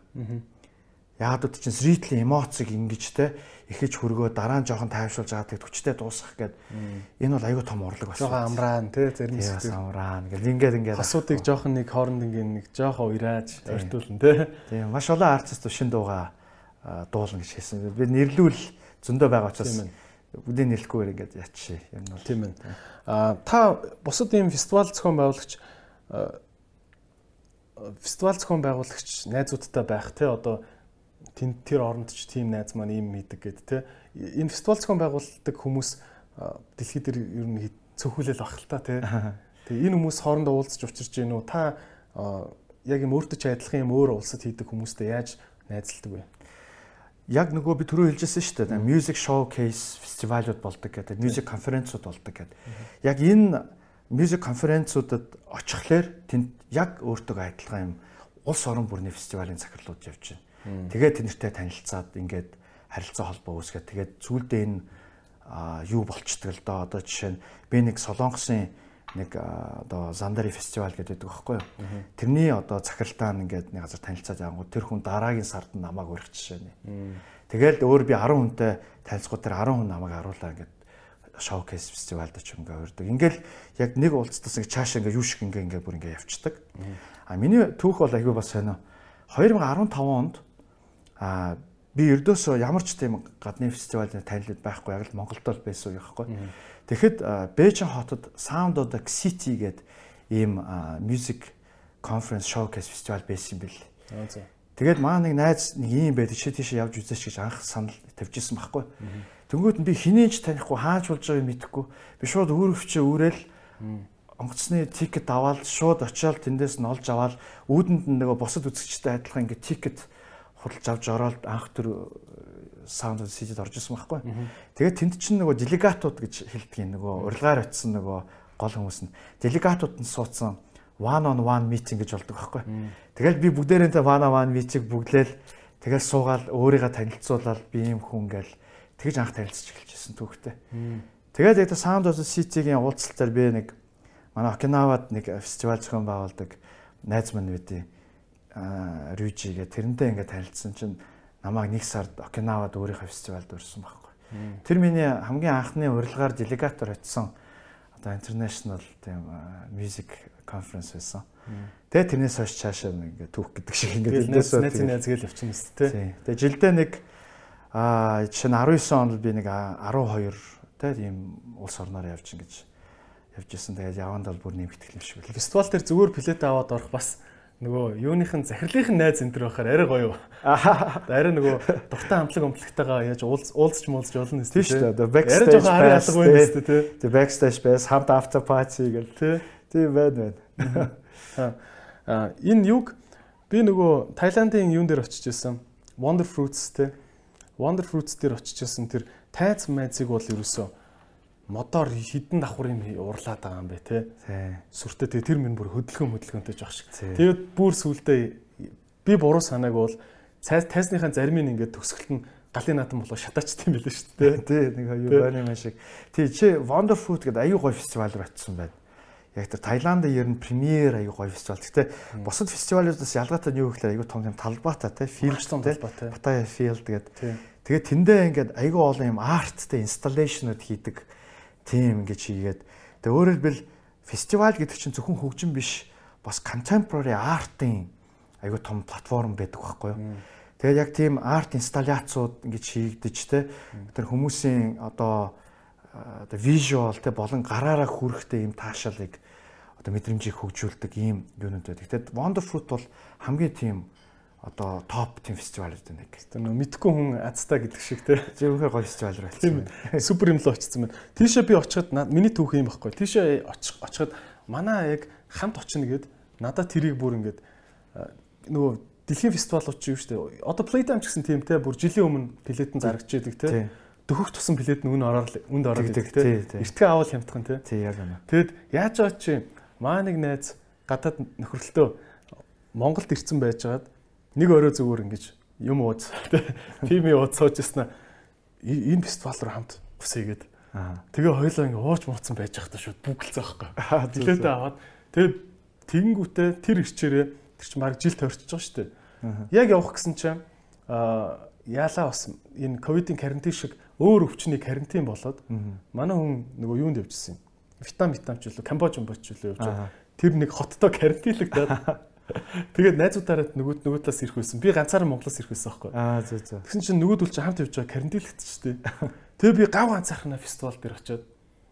Гэтэ нэг гайхамшигтай юм нь би аягүй сонио ингээд за ганцаараа ирчлээ. Тэгээ плед мэлэд жилийн өмнө авсан юм ч удаа яах вэ? Бандсандаа шууд очиж юм чи. Тэгэл за за амьдрал үзье даа гэж очтё юм баст. Тэгсэн чинь минь намайг нэг гайхшруулсан юм нь тэр тэр фестивал дээр бүр яг над чиг ганцаараа ирсэн амьтад бүр битүү ээж таарад. Аа Зүгээр л нэг газар ингээл уух юм авах гэж очирлж байгаа бол чи анаас ирсэн чи анаас ирсэн ингээл ингэсэн чинь групп үүсэл юу нөгөө найзуудаасаа олон найзуудтай болоо. За гэнэ. Тийм тэгэд баг ганцаараа ирсэн нөхдүүд ингээд нийлэгчл 10 хүнний групп болчихж байгаа. Тийм яг үнэ. Тэгэл хэдэн өдөрт өргөчж байгаа. Тийм. Өдөөсөө тэр бас айгүй олон улс орноос ирж байгаа Wonder Fruit. Тийм ээ. Wonder Fruit ингээд Таиланд болдог олон фестивал үүдээ. Тэгэхдээ Wonder Fruit айгүй international юм байлаа. Ер нь expat тал руугаа нэлээд яатсан зохион байгуулж байгаа хүмүүс бас жоо тийм юм хүмүүс байдэ. Тэгээ яг таних уу эднийх нь би тийм би Wonderfood-ийн үүсгэн байгуулах захиралтаа хамт нэг юунд орж исэн. Нэг панел гэх юм уу. Тэр фестивал. Би нөгөө Bangkok Music City гэдэг одоо 19 онд байна уу? Тийм. Юу одоо хамгийн анхны нөгөө Таиландын Music Showcase фестивал болсон. First edition. Тэгээ тэрэн дээр нөгөө фестивалын тухай панел дээр би байсан. Тэгэхэд яг Wonderfood-ийн үүсгэн байгуулсан залуу байсан. Тэгээд өөр бас 2 3 фестивал байна Тэгэхэд би Wonderfood-ийн тухай сонсоог байсан. Тэгээ манай хүн ярьсан. Дараа нь би нөгөө би өөрөө явж үзээгүй. Гэтэ би нөгөө вебсайт юу гэдэг нь үтсэн чинь нөгөө видео, промо видео гэдэг нь үтсэн чинь үнэхээр гайхалтай гоё фестивал байлаа. Тэгээд ер нь тэр Wonder Fruit-ийн байгуулсан түүхийн сонссон ч айгүй interesting байсан. Юу гэхээр анх тэр байгуулсан яа нэг хөгжмийн фестивал гэхээсээ илүү нөгөө доктортой хөгжил биш үү те одоо ноон хөгжил те одоо хог хаягдлыг багасгах хог хаягдлаа ангилах те дэлхийд ээлтэй байх гэдэг тийм одоо сонирхолтой залуучууд байсан юм байна л да. Тэгээд тэрийг нөгөө хүмүүст хүргэх гээд мессеж нэг хийсэн чинь тэр нь амар амжилттай болоо. Тэгээд сүүлдээ бүр music festival болоод. Хөө зөөц. Wonder Fruit-ийн суурь. Тийм учраас Wonder Fruit хэрвээ анзаарсан бол одоо нөгөө нэг удаагийн пластик гэднэрээр юм яадгүй. Тийм бах тэр өстө анзааргүй. Refill refill аяг гэж хэлдэг. Нөгөө өөрөө ингээд байнга ингээд те нөгөө нэг аягараа л уугаа авчдаг. Тэгжээч нөгөө нэг пластикийн хог хаягдлыг багсгадаг байхгүй. Тэгэхээр юунууд нь айгүй тийм юм бэлээ. Хэрвээ тийм refill аяггүй бол баг бицэн ирээрээ ухааны нэлээд тийм strong юу доктортой хөгжлийн Green Festival байхгүй. Оо зөө зөө. За тэгвэл одоо юу вэ те одоо ингээд дэлхийгээр фестивалуудыг ингээд одоо яг хамгийн их нөгөө Instagram дээр харагддаг нь болохоор илүү Instagram одууд очдог болохоор нөгөө Coachella юу хоёр л Burning Man хоёр л их од штэ. Тий. Тий. Instagram дээр харагдахгүй мөртлөө бас юм нандин нандин одоо манай манай Wonder Fruit шиг Wonder Fruit шиг тэр бол нандин фестивал шүү дээ. Нандин нандин тий. Очоод нэх ингээл Instagram-да дээдгүү. Яг л гоё очдөг тий. А тэр шиг та өөр гоё гоё фестивалуудыг бас санал болгооч. За залуусаа энэ энэ лүү ер нь бол нэг боломж нь болтвол очиж үзчихээрээ. Одоо яг фестивалууд ингээ аваад үзэхэд бол дэлхийн топ 3 фестивал байгаа. За тэгээ одоо үзэж байгаа үзэгчдийн тоогоороо тий цар хүрээгээрээ орлогоороо ч гэдэг юм уу. Нэгт бол Coachella явж байгаа. Дараа нь Glastonbury явж байгаа. Гуравт Fuji Rock явж байгаа.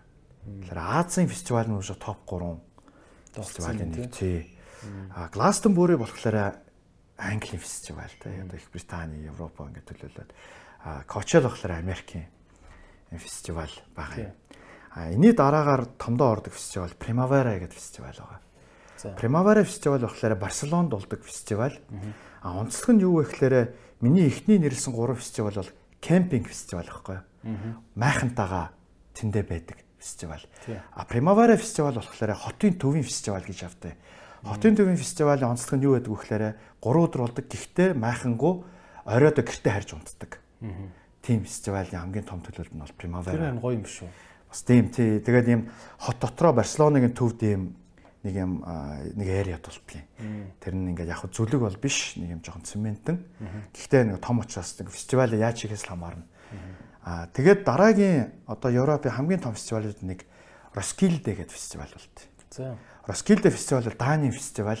Энэ бол дэлхийн топ фестивалуудын нэг. Тэгээ Roskilde фестивал бол надаа айгүй би явж үзээгүй гэхдээ айгүй тийм чиний хэлдгээр нандин санагтаад байгаа. Айгүй том юу гоё хэрнээ яг тэр нэг өөрийнх нь нэг identity гэж үүдэн штэ нэг фестивал болгон өөрийн identity-та байх хэвээр гэж би боддог байхгүй тэ нэг юм өөрийн нэг юм байдаг штэ. Тэгээ Roskilde тэрийг аюу гоё хадгалдаг юм болов гэж би боддөг юм. А тэгээд өөр бас сонирхолтой фестивалууд бол ингээд зөндөө байлд ингээд хилээд байвал а чи Wonder Fruit бол яг чинь хэлдэг жинхэнэ бас нандин. Гэтэ бараг дийлийнх нь мэдгүй би ч өөрөө явж үзэг юм фестивал. Тэрнтэй адилхан фестивал дэлхийд даяар хаасайг байгаа. Африкт ч байгаа, Азид ч байгаа, хаанч байгаа. Тэ одоо юу гэдэг. Улс болгонд л улс тий болгонд л байгаа. Аа тэгээд Playtime фестивалыг болохоор яг энтэй холбоотойгоор зөв хэлэхэд би нэг үргэлжтэй нэг нандин юм хадгалах юмсан гэж боддог байхгүй. Гэтэрхий хайрын имиж чи ингээ бас хэтэрхий ингээ тэ commercial болгоо. Тэг hit too much commercial болгомооргүй байдаг учраас би үргэлж энийг ингэж хамгаалж явдаг байхгүй. Нөгөө too much commercial болгоод бас яг ирж байгаа хүмүүс нь ч гэсэн ядаж ирж байгаа юмдаа мэдэж ирээсэй гэж боддог байхгүй. Зүгээр ингээд зүгээр шоу гэж бодоод ирээд тэ ингээд бити тэгж юу хандаасаа тэ одоо үл хүндэтгэлтэй гэх юм уу. Өнгөцсөн тий. Тийм өнгөцгөн ч юм уу. Playtime фестивалыг аюу гоё тэгж ойлгож хандаасаа тэ энэ фестивалийн цаана юу байгаа. Тэгээд аюу олон жилийн өмнө нэг байсан бичлэгийг байнга л тэ жилбэр нэг нөхөр ингээд тавиад идэг. Яагаач тавьдیں۔ Шин ингээд юу рок рокуудын ингээд толгойгоо гэтэл нөгөө нөгөөдгөө шал өөр болцсон тэ фестивал нь. Тэгээл тэр хар тамхи маягтай холбоотой тэ ингээд янз бүрийн ингээд юм ягаал. Үнийн ирэг дээр тийм фестивал биш байхгүй юу? Дөөсөө чи хар тамхиг эсрэг тэ хар тамхины эсрэг ийм фестивал. Дээрээс нь фестивал чинь өөрөө доторх ямар ч хоггүй фестивал байх жишээ нэ тэ. Яг хүмүүс очиж үзэл ойлгохтой очиж үзэл аа ийм гоё фестивал байсан юм уу гээл ойлгодог болохоос биш би наан нөгөө Fire Festival шиг байхгүй юм ийм гоё мой гэж байгаа. Яг очингуудаа нөгөө тэг ингэсэн яг яг тэрний анти яваац. Тийм. Ингээд хизээч ингэж фестивалыг хит их ингэж сурталж илжтэй гоё мой гэж ингэж яахгүй. Айгуу тийм даруухан сурталчилдаг. А гэхдээ яг хүн очиж үзээд илүү ойлгож аваасаа гэж боддог. Тэр нь бол нэг талаасаа бид нар хитрхийх тийм sell out те commercial баймаргүй байна. Жохон хамгаалмаар байна. Тэгээ нандин юм нэг хамгаалмаар гэсэн юутай бас холбоотой. А гэхдээ фестивал өөрөө нөгөө хөгжиж явах хэвээр те тоглож байгаа артистууд нь би жишээ нь дэлхийн том одыг авчирмаар байна шүү дээ. Тэгээ үнэхээр гоё юм хөгжмийг сонсуулмаар. Гэтэл тэр маань өөр асар өндөр үнэтэй учраас би яалчгүй тэр одоо хүнийг авчрахын тулд би те ингээд зохицуулт хийх хэрэгтэй фестивалыг өргөжүүлэх хэрэгтэй. Тийм. Тийм. Тийм. Тэгээ тасбарын хүний тодорхой хэмжээ бас үсэх шаардлагатай. Тэр нь бол тэгэл э, явж явж нөгөө гой гой хөгжмийг сонсохдоо зарцуулагдах гэдэг байгаа шүү дээ. Эргээл тэрэндээ л Нацгаах бол аваад Тийм. шоуд гэдэг юм биш үү? Ер нь хүнд бол нээх их мөнгө хэрэггүй байхгүй юу? Хүн тэгэл одоо бүр ингээд одоо бүр философор орвол бас өөр юм болчихшоо. Хүний хэрэглээ жоох шүү дээ. Тий жоохон шүү дээ. Окей. Өөрт нь ер нь хэрэгтэй шүү дээ тий. Тий. Таргалахгүй гэх мэт зав яахгүй гэл. Окей. Нэр артистыг артистуудыг авчирна гэснээс артистууд ямар үнэтэй хэдийн ер нь Тэгээ артистууд олон янз үнэтэй. За Одоо- одоо нэг зүгээр нэг машин дээр бол байдаг шүү дээ. За нэг юм цахилгаан машин нэг тэр хавцаа байдаг. Тэгээд 50 70 200 тэр болчдөг гэдэг ингээд нэг юм баримжаа байдаг та. Тэгээ би хамгийн сүүлийн үеийн жишээ хэлье. Одоо яг энэ 2020 оны фестивалуудын ханших юм те одоо артистуудын. Тэгээ 2020 онд ковид болцсоос их нь хойшлцсан. За хамгийн үнэтэй дэлхийн хамгийн үнэтэй фестивалийн артист бол Rage Against the Machine байна. Яагаад гэвэл Rage Against the Machine тарцсан байсан. Тэгээ эргээд нэгдсэн юм глобал агуу хамтлаг байхгүй. Тэгээ Rage Against the Machine бол одоо U фестивал дээр Coachella фестивал дээр тоглохоор болсон. Бас өөр 2 3 том фестивал дээр. Эдний ханш 2 сая доллар. Зөө зөө. Нэг өрөө дуулах. Тэнийг оройд болох 2 сая доллар. Хэдэн дуудуулах вэ? Аа яг хуу сайд нь хвчлэн цаг яг хуу заримдаа 90 минутаас байдаг. Цаг 30 91 60-аас 90 минут. 2 сая доллар. 2 сая доллар. За тэгээд тэрнээс доошоогоо явхлаар нөгөө одоо яагаад 2 сая болчихлоо чи нөгөө нэг байхгүй байж байгаа нөгөө одоо ховор юм ингээд ячлаа шүү. Тийм. Тэр 2 сая болчих байгаа болохос жил бүр тоглож байгаа том артистууд байна. Одоо The Cure, Radiohead дэлхийн топ одоо Beyoncé ч гэдэг юм уу те ингээд топ артист эднэр бол нэг сая доллар. За. Ер нь бол сая доллар. Шинэ Radiohead хамтлаг бол одоо тоглоом сая доллараас доошо буухгүй. Тий. За тэгэл доошоогоо явчихна тий. 800 мянга, 700 мянга, 500 мянга тэр гээл явчихна. Монголд иржсэн хамгийн үнэтэй иржсэн артист хэдээр иржсэн бэ? За Монголын хамгийн үнэтэй иржсэн артист болохоор энэ аягүй инээдтэй. 2014 онд иржсэн. За. Тэгээ 2014 онд Peter Hook and the Light гэдэг хамтлаг явжсан. Хамгийн гол нь Peter Hook Peter Hook гэдэг нь нөгөө нэг домогт Joy Division хамтлагийн бас гитарчин байхгүй. Тэгээ түрүүн би чамд нөгөө сонсгож ирсэн New Order гэдэг хамтлаг шүү дээ. Тэрний бас гитарчин хүн байсан байхгүй. Тэгээ хамтлагаасаа гарцсан. Тэгээ Peter Hook өөрийн хамтлагаа байгуулад Peter Hook and the Light гэдэг. Тэгээд ингээд тур хийж эхэлсэн байгаа. Тухайд 2014 онд би чи ингээд Peter Hook and the Light ирэх боломж байна гэд надад нэг тийм боломж гараад ирэхгүй. Тэгэнгүүт би чи сэтгэл хөдлөөл заастаа ямар ч гэсэн авчирсан да гэд ирж байгаа нэг юм гээл тэгэл үнэний асуусан чинь 25 мянган доллар гэхгүй юу. За 25 мянган доллар би чи нөгөө тохоо чинь туршлагагүй өн ханшинш мэдэхгүй. А тэр чи болоогүй. Лондонгоос Улаанбаатар руу ирж буцах онгоцны зардал 7 хүн. Бүгд бизнес класс. Бизнес арай хэлээгүй. Гэтэ яг economy class. Тэгээд хамгийн үнэтэй Улаанбаатар хотын зочид буудалттай. Одоо тийм лагштай, люкстэй өрөөнд ингээ байрлсан. Тэгээд тэдний нэг хоол ундны мөнгө гэдэг. Тэгээд үндсэндээ а, бид а, тухайн жил а, Peter Hook and the Light үндсэндээ 100 сая төгрөг зарсан байт. Нэг 14 бүгд он зардал гэж чинь. Тэгээ 14 оны 100 сая гэдэг чинь одооны 100 сая биш дээ. Хамаагүй. Тэгээ хамгийн сонирхолтой нь а, 14 онд Playtime 100 сая одоо тэгээ алдагтад орсон байдаг. Тэгээ 100 сая яг одоо тэрийг би авчихгүй байсан би яг ингээд баланслах гэдсэн байхгүй. So тэднийг авчираад тэгээд а, 100 сая алдагтад. Би өөрөө тухайн үед бас нэг юм Аз хөгжлийн банкнд зөвлөх мөвлөхөөр ажилладаг гэсэн байхгүй ажиллаа хийж. Тэгээд би нэлээд хөрхэн долларын хадгаламжтай болцсон байсан. Тэгээд би бүх долларынхаа хадгаламжаа тэр хамтлаг зарцуулсан байт. Тэгээд үндсэндээ үр төлбөрөө бас ингээл төлөвлөж аваад Гэхдээ хамгийн Тэгсэн чинь мань эдэн 10 хэдэн мянгаар бугуувч би уншуулаа ороод идэв. тэр жил нөгөө бороотой жил байсан. Айгу цөөхөж үзсэн байдгийг. Хөө зөө. Тэгээд яг хоо би хамгийн гол нь нэг ч харамсаагүй. Ингээ өөрийгөө аяга анзаараад тахт ердөөс нэг ч харамсаагүй яг тэр шүн 2 цаг тоглосон байдаг байхгүй юу? Питер Хөөх ингээд шүн 1-ээс 3-ын хооронд яг бороотой шүн 2 цаг тоглосон байдаг. Best of Joy Division юу хардаа. Тэгэхэд бол би л нүр дүр ингээд бороонд нарцсан нэслэл амар аж жаргалтай л байсан. Тэгээд ердөөсөө харамсдаггүй. Тэр бол одоо яг play time гэдэг нь хамгийн үнэтэй одоо ярьж байсан. Тэгээ яахгүй эренгүүтээ оо танай фестивал чи ингээ цөөхөн үнэтэй юм шүү дээ. Жохоо настргүй байлаа мэлээ гэхгүй юу? А тийхгүй. Тэр чаа нэгдүгээр тэд нар чинь тэгэж яахгүй. Тэр чинь соёлтой хүмүүс те. Зөөж тэгэж юм яахгүй.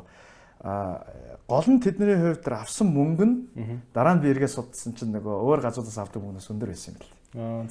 А тэгээ яг play time-ийн нэг бас хүндрэл нь юу гэдэг вэ гэхээр Монголыг мэдтгүү, Монголыг тоодгүй болохоор гадаадаас нөгөө ийм дэлхийн хэмжээний од авчрахлаар бид нар бусад фестивалын төлж байгаа мөнгнөөс бараг 40-50% илүү төлж иж тэд нар зөвшөөрж иж Монголд ирдээ.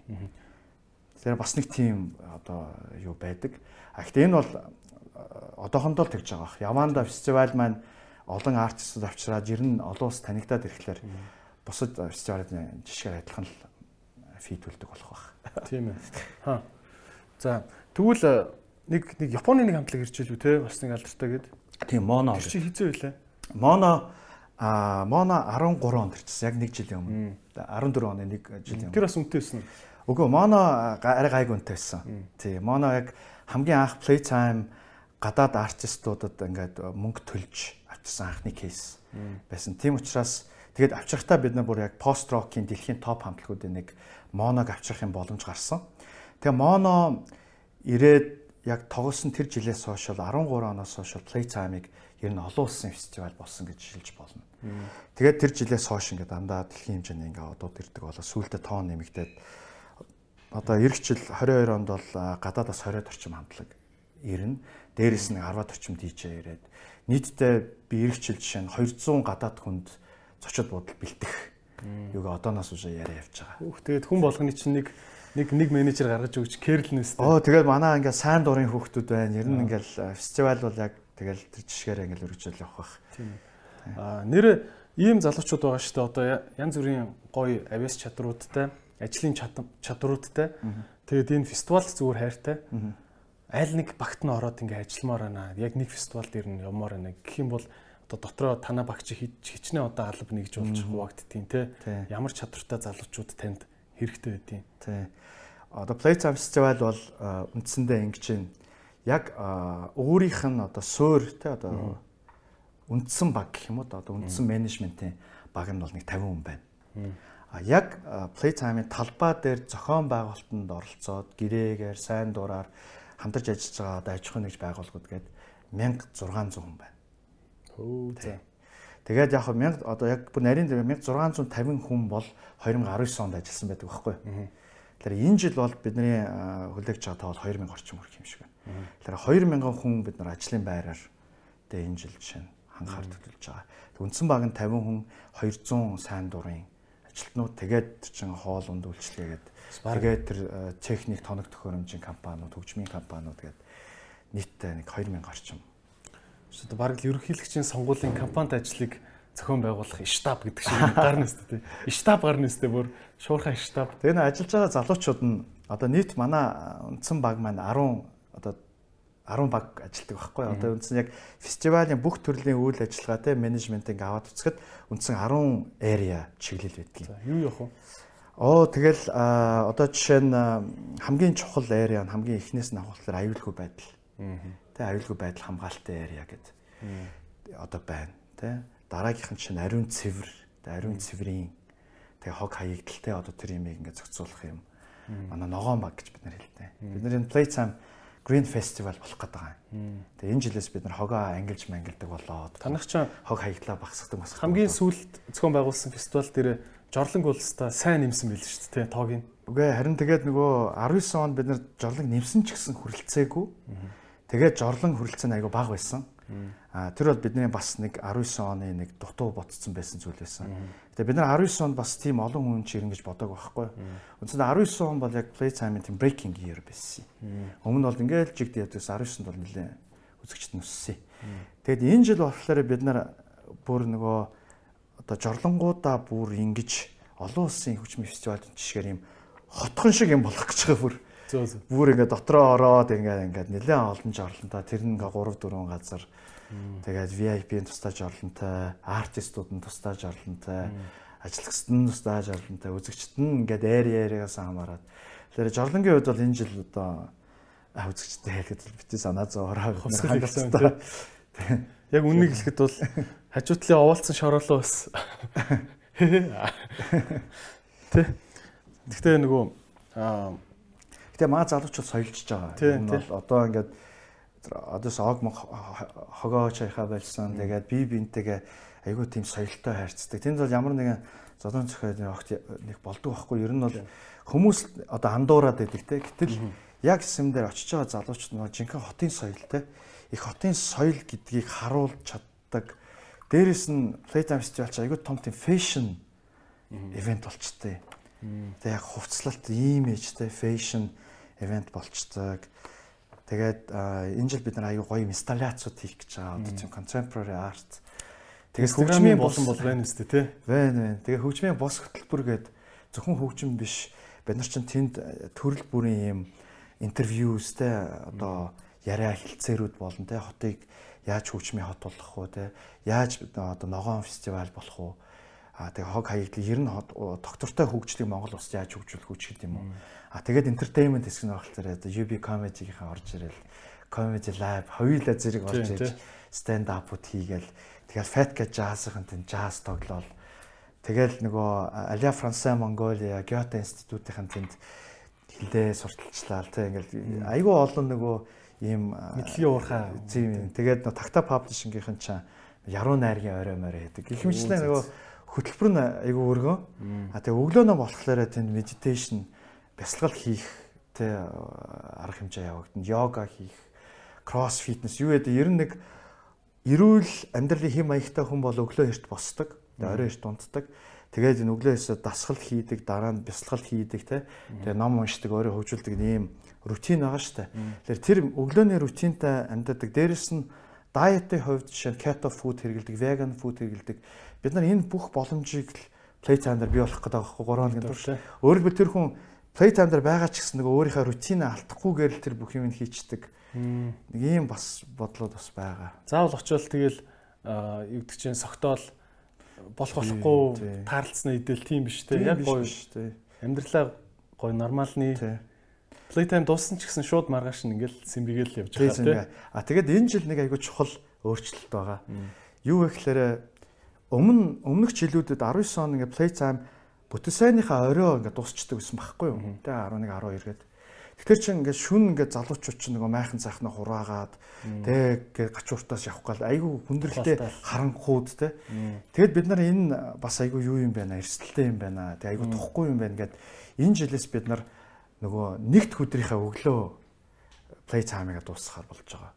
Өөрөөр хэлбэл тэ бүтэн сайных нь хөтөлбөр нь бас яг тав дахь сайн шиг ялгаагүй шүү 3 4 хүртэл яваад дээ. Тэгээд залуучууд маань бүгдээрээ унтаж амарчаад өглөө тэ яг ингээд гэгээтэд майхнаа хураагаад бүх юмаа яагаад тэгээд аюулгүй ингээд машинаараа. Наадах чинь нэрээ манайх нэг тухалдуулсан биш үү бодоодсэн чинь бид нэр ажиллаараа автобуст очсон байхгүй юу? Сүүлийн өдөр нь. Тэгээ яг нөгөө майхан захны орчин нэр бодоодсэн чинь айгу тухгүй. Тэгээ нөгөө автобустаа олоолаа явчихаар бас нөгөө нэгнийх нь майхан гинийг юм алга болчих юм. Хүлээж байгаараа гэж ингээм. Нэг нь майхнаа хурааж дуусаагүй байна. Зөөж чадахгүй байна гэдээ буцаж ирснээр хоёрыгаа аваад буцаал явах юм те. Ингээд яг морой зам дээр ингээ хүлэгч бас юу хэлсэн юм бэлээ те. Дэлхийн их их том фестивалууд бол яг нэгтгэхаа өглөөд юм хүмүүс нь те ингээ яваад явдаг байхгүй. Тэгээ бид нар яг бас тэр жишг рүү хэмжил явж байгаа. Тийм ээ.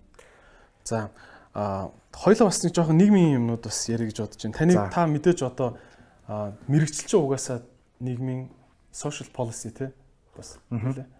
Тий нийгмийн бодлого. Нийгмийн бодлого үстэй те. Тий энэ тийм мэрэгчлэлт та бас энэ мэрэгчлийг бас нэг тайлбарлаж өгөөч те. Ер нь энэ нийгмээ сайхан болгохтой холбоотой мэрэгчлүүд юу гэдэг юм одоо бас тийм нийгмийн авьяастай хүүхдүүд байгаа мөртлөө аха би юугаар сурах вэ гэж явж байдаг шүү дээ тий. Тэгээ та бас гоё мэрэгжил ийм ийм юм сурчвал байдаг шүүгээ санал болгооч тий нэгдүгürt. А хоёрт нь болохоор нийгэмд одоо бас ингээд би бас хитэн тоонууд тантай хуваалцах гэдэг юм л да. А нийгэмд одоо залуучуудынх нь өөрсдийнх нь оролцоо нь Facebook дээр л амар их байгаад идэг. Тэгсэн хүртэл яг ингээд очиод үгүй саналаа өгч өчтэй гингүүт тэгэл одоо дөнгөж саяны өнгөрсөн сонгуульд хүртэл харлаа шүү дээ тий. Залуучуудтай ингэн гээл би энийгээ түүхэндээ хамгийн бага эрсдэлтэй. Би энийгээ муудалцаад хараагаал исэн тэгэл тэр тэр хэрэлцэн шигэ их гараад саналаа өгчөөгүй байна л да. Ингээ харахаар тий. Та энэ талаар бас шүмжлэн гэхээс илүү ер нь бид нар яах ёстой юм бэ гэдэг талаас бас гоё юм та хэлэх болов гэж бодож байна. Тэгээ би нэг ганц хоёр тоо хуваалцчих. Аа ийм байт юм байна. Аа Монгол улсын одоо бүх одоо улсын хурлын гишүүдийн дөнгөж 11.8% нь 40-оос доош насных байна гэж байна. Тэр заавал 20 дэх байх албагүй шүү дээ. Бүр 39 дэх хүн хүртэл те одоо залуу гэдэгтээ орох бах. Тэгээд 40-оос доош насных нь тэгэхээр бас бага байгаа шүү дээ. 7 8 хүн байна шүү дээ. Тийм тийм бага байна те. Тийм байт юм байна. Гэтэл одоо Австри улсын канцлер гэдэг хүн нь одоо Себастьян Курц гэдэг хүн 33 настай гэж байна. Тэгээ одоо энэ Шинэ Зеландын эмэгтэй залуу ерөнхийлөгч энэ юуны Финляндийн залуу ерөнхий сайд нь одоо энэ Украины шинэ ерөнхийлөгч залуучууд нь ингээл ингээл ах нартайгаа нийлээл орон зайгаа ингээд булаацлах тийм юу анзаарч байгаа тийм тийм дэлхийн давлгаа яваад байна тийм энэ манад хизээ ирэх юм бол та зүгээр ажигладаг хүний хувьд юу гэж бодож байна? яг маа залуу 80-аад оны ерөнхий сайд болсон шүү дээ. За тэр бас нэг юу шүү бас тийм сайн ч мууч бас залуу тийм тий бас тий. Тэгэхээр бас бид нар сайн чадвартай тийм залуу ерөнхий сайдтай болсон. Тэгэхээр бас тийм юм бол байна те. Тэгээ яг их хурлын гишүүдийн хувьд болохоор чиний хэлдэг бол тэр бол жоохон цөөхөн байна те одоо одоо юу гэдэг хангалтгүй байна гэж хэлж болно. А дээрэс нь бас ер нь эмгтээчүүдийн ч одоо хувьд те ер нь бол жоохон өсөж байгаа л доо те. Гэхдээ шөө энэс илүү баймаар юм ч гэдэг юм уу. Тэг явандаа бол ер нь эмгтээ хүн ч гэсэн Монголын одоо те тэрүүн 3 одоо позишны нэгэнд нь очихыг үгүйсэхгүй шүү дээ ер нь бол тийм тэнцэг хандлагчсан тийшээ явж штэ одоо Америк мэдгүй удахгүй бас эмгтэй ерхийлэгчтэй болох цаг ч ирж магадгүй шүү дээ. А юуны сонгуулийн хувьд болохоор би зүгээр ингэж утсан л да. Саяны сонгуул бол эрс аяга бага байсан те 50-д те энэ бол түүхэндээ хамгийн бага эрстэй байсан. Нэгдүгээр тэгээ тэр дотроо насныхын бүлгээр эзэлж байгаа хувийг аваад үзэхэд бол те яг тэр 18 наснаас дээш одоо хийж тийм 35 хүртэл л дээ 30 хүртэл тэр насны бүлгийнхний 35 хүртэл тэр нийт санал өгсөй байсан хүмүүс дотор одоо санал өгсөн эзлэх хувь нь айгүй бага байсан те. Яг хийчихвэлээ ер нь тэр график нь бол айгүй бага байсан шүү дээ. Тэг өвөө эмээ бол даблт. Тэг тэр нь бол 60 70% та те. Манайд бол 20 тоо байсан 10 тоо байсан. Өөрөөр хэлбэл тэгтээ яг хуу абсолют тоогоор аваад үцхэд бол яг 35-аас 45 ч юм 35-аас 50 насны хүмүүс бол абсолют тоогоор хамгийн их өндөр байгаа. Тэгэхээр яг одоо тэр санал өгсөн хүмүүсийн одоо шийдэл бол яг үндсэндээ 35-аас дээштэй одоо 50 тэгээд тийш явсан тэр хүмүүсийн шийдэл байгаа байхгүй юу. А гэхдээ хэрвээ одоо 35-аас доош насныхан эртсэнтэй одоо 60 70% та тэ байсан бол магадгүй одоо үр дүнд нөлөөлөхөр байх байсан. Зүгээр ер нь бол миний өөрийн хувийн бодол юу гэдэг вэ гэхээр нийгмийн шинжилэл, нийгмийн хөгжил бол залуу хүмүүсээс эхэлдэг гэж би боддог. Ер нь залуу хүмүүс бол ер нь түүхэн ч автсантай хувьсгалыг одоо эхлүүлж исэн хийж исэн. Тэгээ ер нь тэр нийгмийн хамгийн том том суур өөрчлөлтүүдийг дандаа залуу хүмүүс хийжсэн байгаа байхгүй юу. Тэгээ өөрөөр хэлбэл хэрвээ бид нар Монголд өөрчлөлт авчи тэ хөгжий ямар нэгэн байдлаар одоо дууга сонсоё одоо нэг ийрэг өөрчлөлттэй өсөлтийг бий болгоё гэвэл залуу хүмүүс дуу хоолойгоо илэрхийлдэг байх нь айгүй чухал байгааз. Өөрөөр хэлбэл залуу хүмүүсийн сонгуулийн үр дүнд үзүүлдэг нөлөө нь өөр айгүй өндөр байх нь айгүй чухал байгааз Монгол улс хөгжөд. А тэгэхээр яаж тэр залуу хүмүүсийн эрсцийг нэмэх вэ те? Яаж эднийг илүү их сонгуул өгдөг болох вэ гэхлээр зөв миний ботсон юм бол энийг зөвөрөд бас 10 жилээс нь авахуулаад хүүхэд жоохон байхаас нь авахуулаад толгоонд нь суулгаад ингээ явчвал өөрчлөлт гарах юм шүү гэсэн. Өөрөөр хэлбэл одоо яг сонгуулийн өмнө тэ нэг 3 4 сар хичнээн ч тийм янз бүрийн кампанит ажил хийгээд тэ залуу хүмүүсийн оролцоо идэвхжүүлэх гэсэн юм яасан ч гэсэн тэрнийхээ үр дүн сайн харагдахгүй байхгүй. Тэгэхээр ердөөсөө бид нар гол анхаарах зүйл бол ирээдүйг анхаараа бид нар ирэх 10 жилээ 20 жилээ бодъё тий. Тэр тэр ирэх 10 20 жилээ өөрчлөе гэвэл одооноос тэ ерөнхий боловсролын хөтөлбөрт нь ч юм уу тэ гэхдээ тэрийг сонирхолтой байдлаар хүүхдүүдтэй тэрийн зөв байдлаар суулгах байдлаар тэ энийг ингээ хөтөлбөрт нь оруулж өгөөд энэ сонгуул гэдэг тэ арчлал гэдэг юм аюу сайн ингээ явчвал нэг хүч нэг багаасаа нэг юм мэдхгүй байхтай юм сурчлаа ингээ сурчдаг штэ. Тэр тухайн үед нэг хач холбооны гүнзгий ойлгохгүй ч гэсэн ингээ зааж байгаа юм сурдаг штэ. Тэгээд ингээ яваад энэ одоо яг юу гэж хэлэх юм иргэншлийн соёл одоо юу гэх юм те одоо нэг юм нэр өгөөд тэр хичээл нь ингээд яваад гिचвэл миний бодлоор энэ шийдэх юм биш үү гэсэн л тийм. Миний харж байгаа гарцуул. Тийм ээ. Тэгээ дараа нь одоо нөгөө тэр иргэний ингээд өөрөө очоод энэ улсаа бүтээлцэж байгаа хувь нэмэр нь маш чухал гэдгийг ойлгоогүй хүнийг бол хичнээн ингээд нэг тэ сонгуулийн өмнөх 3 өдөр та бүхэн залуу хүн та тэр гээд ингээд нэмэрэг болчиход байна да тий. Тий. Тэгээ би санд өгсөн чи яад гэдэг ингээл тий. Янз бүрийн тийм хандлагууд байсан шүү дээ. Энэ жил. Гэхдээ ер нь бол бусад улс орнуудыг хэрэг авч үзвэл бас сонин шүү дээ. Тий. Франц улс одоо ингээд тэр намуудын тий ингээд ирэх барьсан солисон юм. За тий Туркч байна уу? Ер нь бол хүмүүс бол ингээд 3 дахь хүчин чим independent хүчигтэй ингээд хүчтэй ингээд яасан түүхэд бол байд юм байна л да яг хуу хөвчлэн Европын улс орнууд гэх юм уу те илүү нөгөө хувь хүнийх нь боловсрал хөгжлийн түвшин өндөр улс орн гэх юм да. Ер нь бол яг үндэ бол яг өнөөдрийн сонгуулийн үр дүн бол яг манай өнөөдрийн Монголын л сонголт байхгүй юу? Энийг өгөөсгөж болохгүй. Энэ байгаа байдал нь энэ байхгүй юу? А тэгээ Монгол улс гэдэг чинь угаасаа 3 сая хүнээс бүрдэх байхгүй юу? Надаас биш те. Тэр хүмүүс миний өмнөөс амьдраагүй. Тийм учраас энэ сонголтыг хүндэтгэх ёстой. Ер нь хүн болгоны сонголтыг хүндэтгэх ёстой. Гарч ирж байгаа үр дүн хүндэтгэх ёстой. Энэ бол яг байгаа л байдал. Энэ яг өнөөдрийн л Монгол гэсэн үг. Аа тэгэхээр магадгүй 10 жилийн дараах сонголт бол тэр 10 жилийн дараах л Монгол болно. А гэхдээ 10 жилийн дараах Монгол бидний хүсэж байгаа шиг те илүү сайн мундаг одоо гоё байгаасаа гэвэл бид нар одооноос 10 жилийн дараах сонголтыг хийх хүмүүс дээрээ одоо ажиллах хэрэгтэй бол гэсэн л. Тийм ээ тий. Тэгвэл одоо ингээл нөгөө залуусаа сонгуульдаа саналаа өгөрөө гэдэг хөтөлбөрүүд бол зогсох биш харин улам одоо эрчимжээд тий. Одооноос ойлгуулж авах хэрэгтэй шүү дээ тий. Би бас нэмэт тантай хідэн тоо болцчих. Та түр бас эмхтэн өнгө ирсэн юм чи.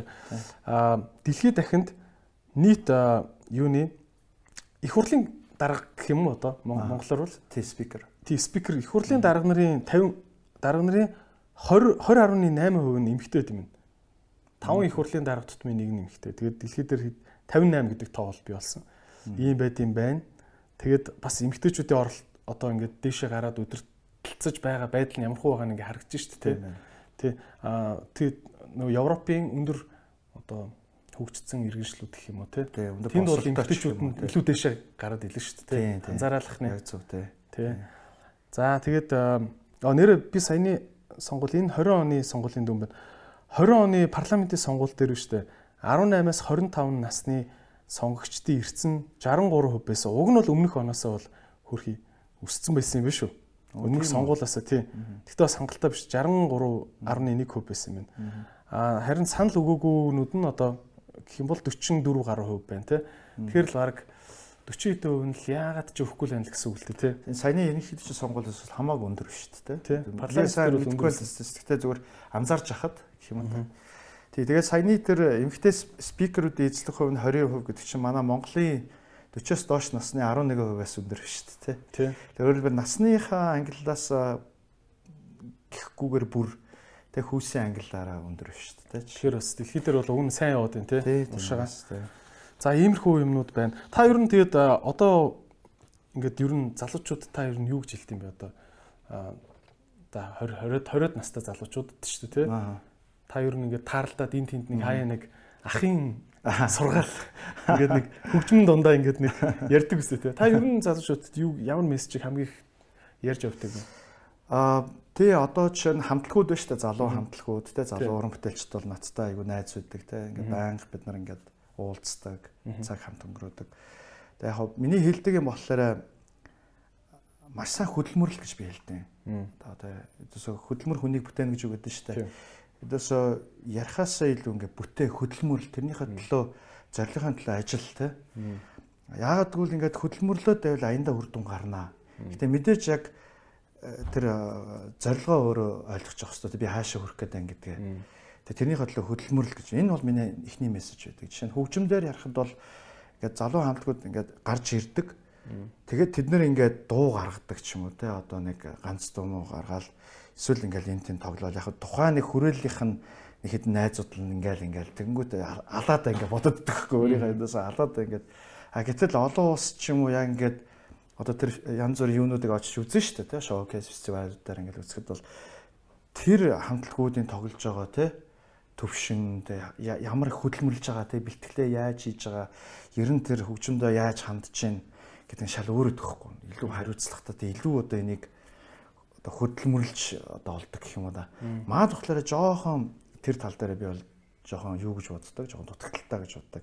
Тийм учраас би залуу хамтлагуудыг хэлдэг маш их хөдөлмөрлөө те. Зорилгоо хүсэж байгаа юм илүү өндөрт тавиа. Одоо дэлхийд гар те гадагшаагаар энэ том том фестивалуудад тоглох эрхээ олж ав. Тэгээ ядаж одоо жишээ нь хит болохтэй тийм дуу нэг дуу хийчихэд тэр нь Spotify-аар хит болмоор байна те. Spotify одоо хамгийн одоо шилдэг те одоо плейлист нь те одоо тэр fresh new гэдэг тэр юунд нь орчдөг ч юм уу. Ингээд ийм бодиттой үр дүн гарах хүйц ингэж хөдөлмөрлөө те ажил. Энэ бол миний эхний мессеж үү. За хоёр дахь мессеж болохоор би илүү нөгөө хувь хүн талаасаа гэх юм уу. Одоо яг би ингээд ингээд юу гэдэг нас яваад ингээд ингээд яахлаар зүгээр илүү юу ойлгож байна вэ гэхээр хүн бол өөрийгөө айгу хайрлах хэрэгтэй юм байна. Тэ. Хүн өөрийгөө хайрлна гэдэг чинь бол юунаас эхлэх вэ гэхээр эрүүл байхаас тэ. Эрүүл амьдралын хэв маяг тэ дасгал хийх Тэгээд хүн хүн чинь бол бие гэж юм байна. Тэгээд хүний оюун ухаан гэж хоёр юм байгаа. Тэгээд биеийн дасгал гэж юм байна. Тэгээд оюун ухааны дасгал гэж байна. Тэгээд оюуны ухааны дасгал бол бяцлаглаас ахуулаад ингээ явна. Аа тэгээд ном уншин тий. Гэх мэтлэн ерөнхийдөө хүн яг өөрийнхөө хөгжил өөрийнхөө аль бол хамгийн одоо дээдтэй төвшөнд те одоо бүтээлч байх энэ бүх зүйлийг өөртөө бий болгож энийхээ үр дүнд хүн өөрөө те тэр амьдралын кайфыг авч те ингэж л амьдрах хэрэгтэй болов гэж ерөнхий том зургаар бол ихэд атлет тэрний төлөө яах вэ гэхээр чинь өглөө эрт босч явах хэрэгтэй те 4 5-д босох хэрэгтэй. Би бол чинь өөрөө 3 хагас тусдаг байхгүй арай 9 дундаа тийм үү?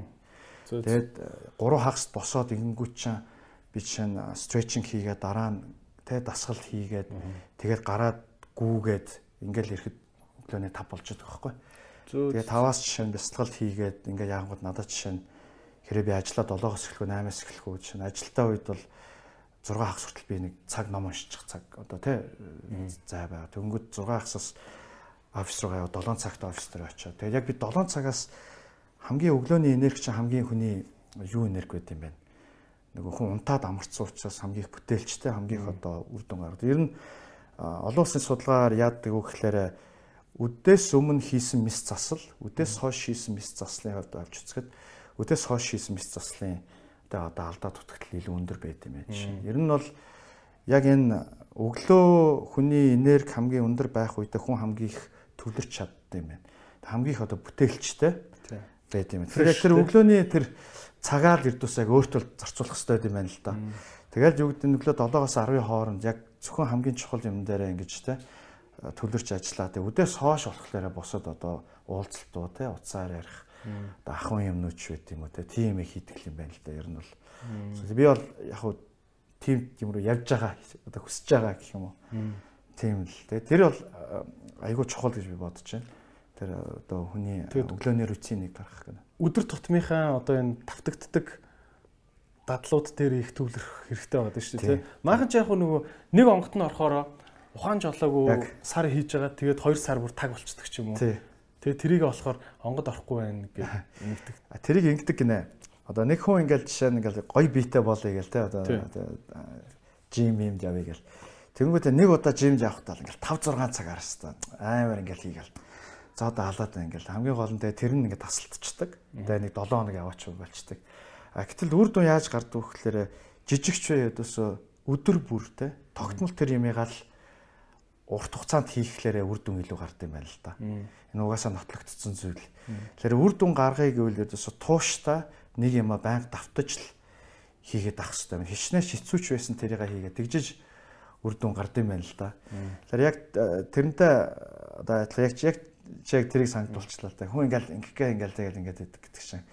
Ер нь бол яг тэр тууштай байдал бол а дадлыг бий болгох те эхний үндэс. Тэгээд яг олон улсын судалгаагаар бол хүн 66 хоног ямиг тасалдгүй хийж ич тэр нь автоматчлалтын төвшин гэдэг дадал болдог гэсэн. Талт хумсраараа шууд хийдэг тийм баг л.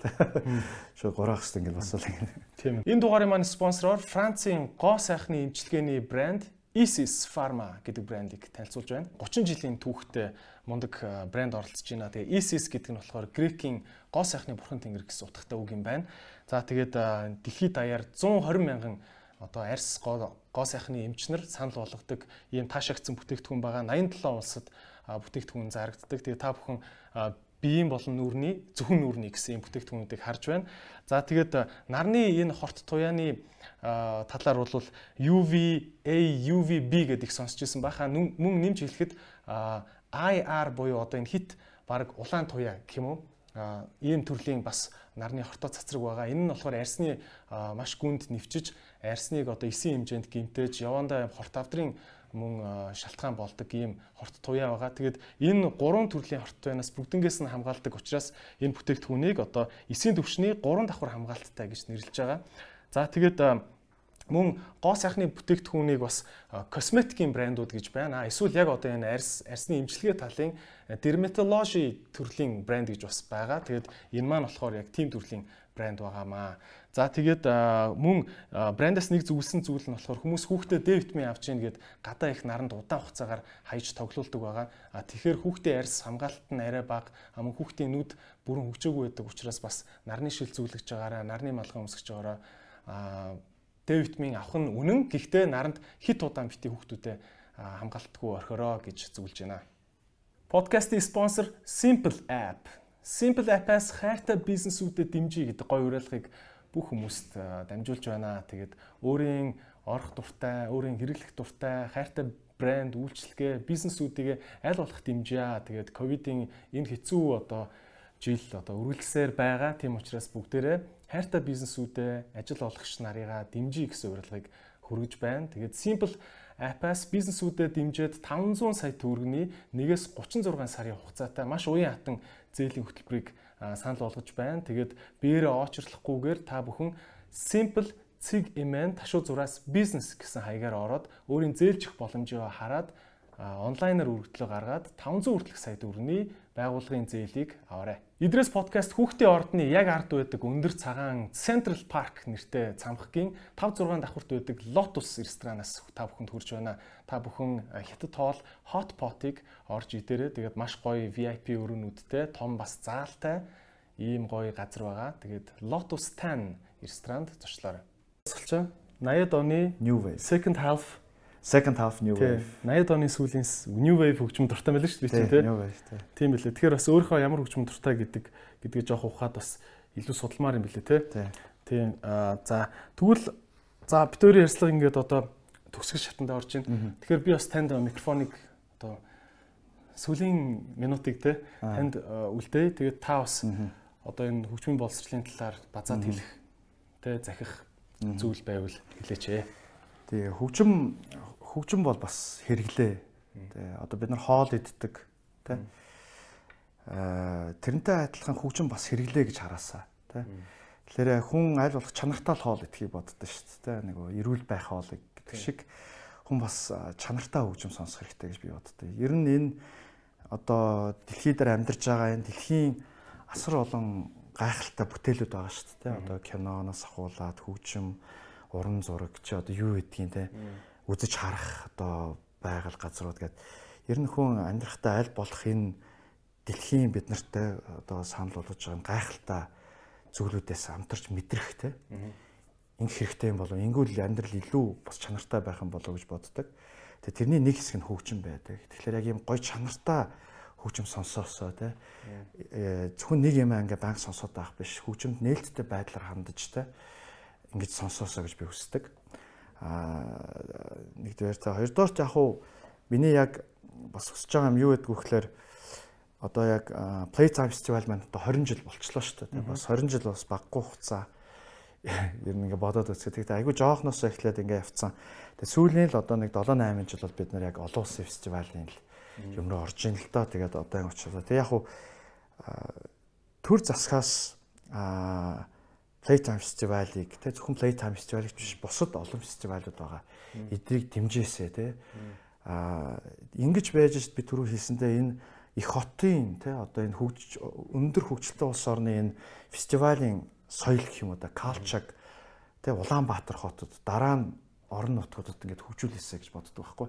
А энийг бол дангаараа хийж чадахгүй. Энэ дээр төр засгийн тухайн орон нутгийн а засаг захиргаа Playtime-ийн хувьд бол Улаанбаатар хотын дэмжлэг айгүй чухал байхгүй юу. Тэгээд ямиг хааж хязгаарлах бол айгүй амархан шүү дээ. Энэ бол хамгийн амархан шийдэл шүү дээ. Ямиг хааж хязгаарлах биш эсэргээрээ ингэж доороос нь түшиж дэмжих. Ийм одоо нөгөө майндсет гэж ярьдаг те. Харж байгаа майндсетээ ингэж гоё эерэг болгоосой. Тэгэж энэ фестивалуудад ер нь энэ Улаанбаатар хотын те хөгжим энэ соёл урлагийн арга хэмжээнүүд хандаасаа гэж боловсдیں۔ А тэгээ Playtime Festival бол бүр Азийн топ 5 фестивал болох бүрэн боломжтой гэж би хэлмээр байна. Энийг би агаараас зохиогоогүй. Яагаад гэвэл 2019 онд миний авчирсан гадаад хамтлагууд одоо Yola Tango тэгээд Sunset Roller Coaster гэдэг ийм хамтлагуудыг авч үзэхэд яг Азийн нутаг бүсд болдог фестивалуудын одоо чансаа гэж үүдэн шүү дээ ирж байгаа headliner-уудын Playtime top 5 топ 10 төсөн байхгүй юу. Тэгээ топ 10 одоо тэр зундаа болдог топ фестивал топ 10-т одоо багтж байгаа юм чинь. Бид нар хичээжүүл. Тий, бид нар ердөөсөө тэр 150 мянган хүн ирж үздэг тэ фестивалыг савын шийдээд тэ мэдээж төр засгийн дэмжлэгтэр хотын дэмжлэгтэр савын шийдээд тэгээд 150 мянган хүн ирдэг болоод ингэчүүл бид нар Азийн топ 5 ер нь бүр ингээд хүсвэл топ 3 ч юм за ер нь бол Fuji Rock тэр гэл ер нь Япон Солонгос гэл дараа нь ингээд баг Монгол орж ирэхээр байгаа байхгүй. Бид нар энийг мөрөөдөл гэж одоо бодож магадгүй. Гэхдээ энэ чинь бүрэн биелэх боломжтой мөрөөдөл биш байхгүй. Энэ бол зориг байхгүй. Тэгээд яг хөгжимд бол хил хязгаар байдаг юм байлаа. Бид нар бол хөгжиж байгаа улс орон өндөр хөгжөлтэй болсон дутх юмнууд байна. Тэ одоо дид бүт замч гэдэг юм ингээд өөр тэ одоо юмнуудаар. Гэхдээ хөгжим нөгөө хил хязгааргүй учраас бол юу байдаг юм байна. Топ фестивалыг тэ хөгжиж буй улс оронд хийж болд юм байна хамгийн тод жишээ бол Латин Америкт жишээ нь Колумбиаг олсод нь шүү дээ. Колумбиа. Колумбиа бол жишээ нь зөндөө Латин Америкийн том улс орн шүү дээ. Бразил, Мексик гэдэргээд. Гэтэл Колумбиагийн фестивалууд Латинд топ 2 3 фестивал байдаг байхгүй. Тэгээ улс нь өөрөө жижигхэн хөгжлөн ч гэсэн арай баг. Тэгээ би юу гэж бодож ирсэн бэхлээр Колумбиа Lollapalooza гэд болдог те. Тэг би бодож ирсэн бэхлээр аа ердөөс хөгжим хил хязгаар байхгүй яг энэ фестивал нь том байх жижиг байхад тухайн фестивалыг хийж байгаа хүнийх нь vision болон passion-аас айгу хамаардаг юм зүйл юм байна. Тэгэхээр энийг ердөөсөө хийх боломжтой. Аз дээр топ фестивал хийх боломжтой байна. Тийм учраас би ердөөсөө өөрийнхөө хүч хөдөлмөр энергийг Playtime-ыг ердөөсөө Азийн топ фестивал болоход зориулъя гэд ингээ ботцсон байгаа. Тэгээд энийг бас би боломж ашиглаад хэлчмээр байна. За баярлалаа. За баярлалаа. Окей. Nice. За.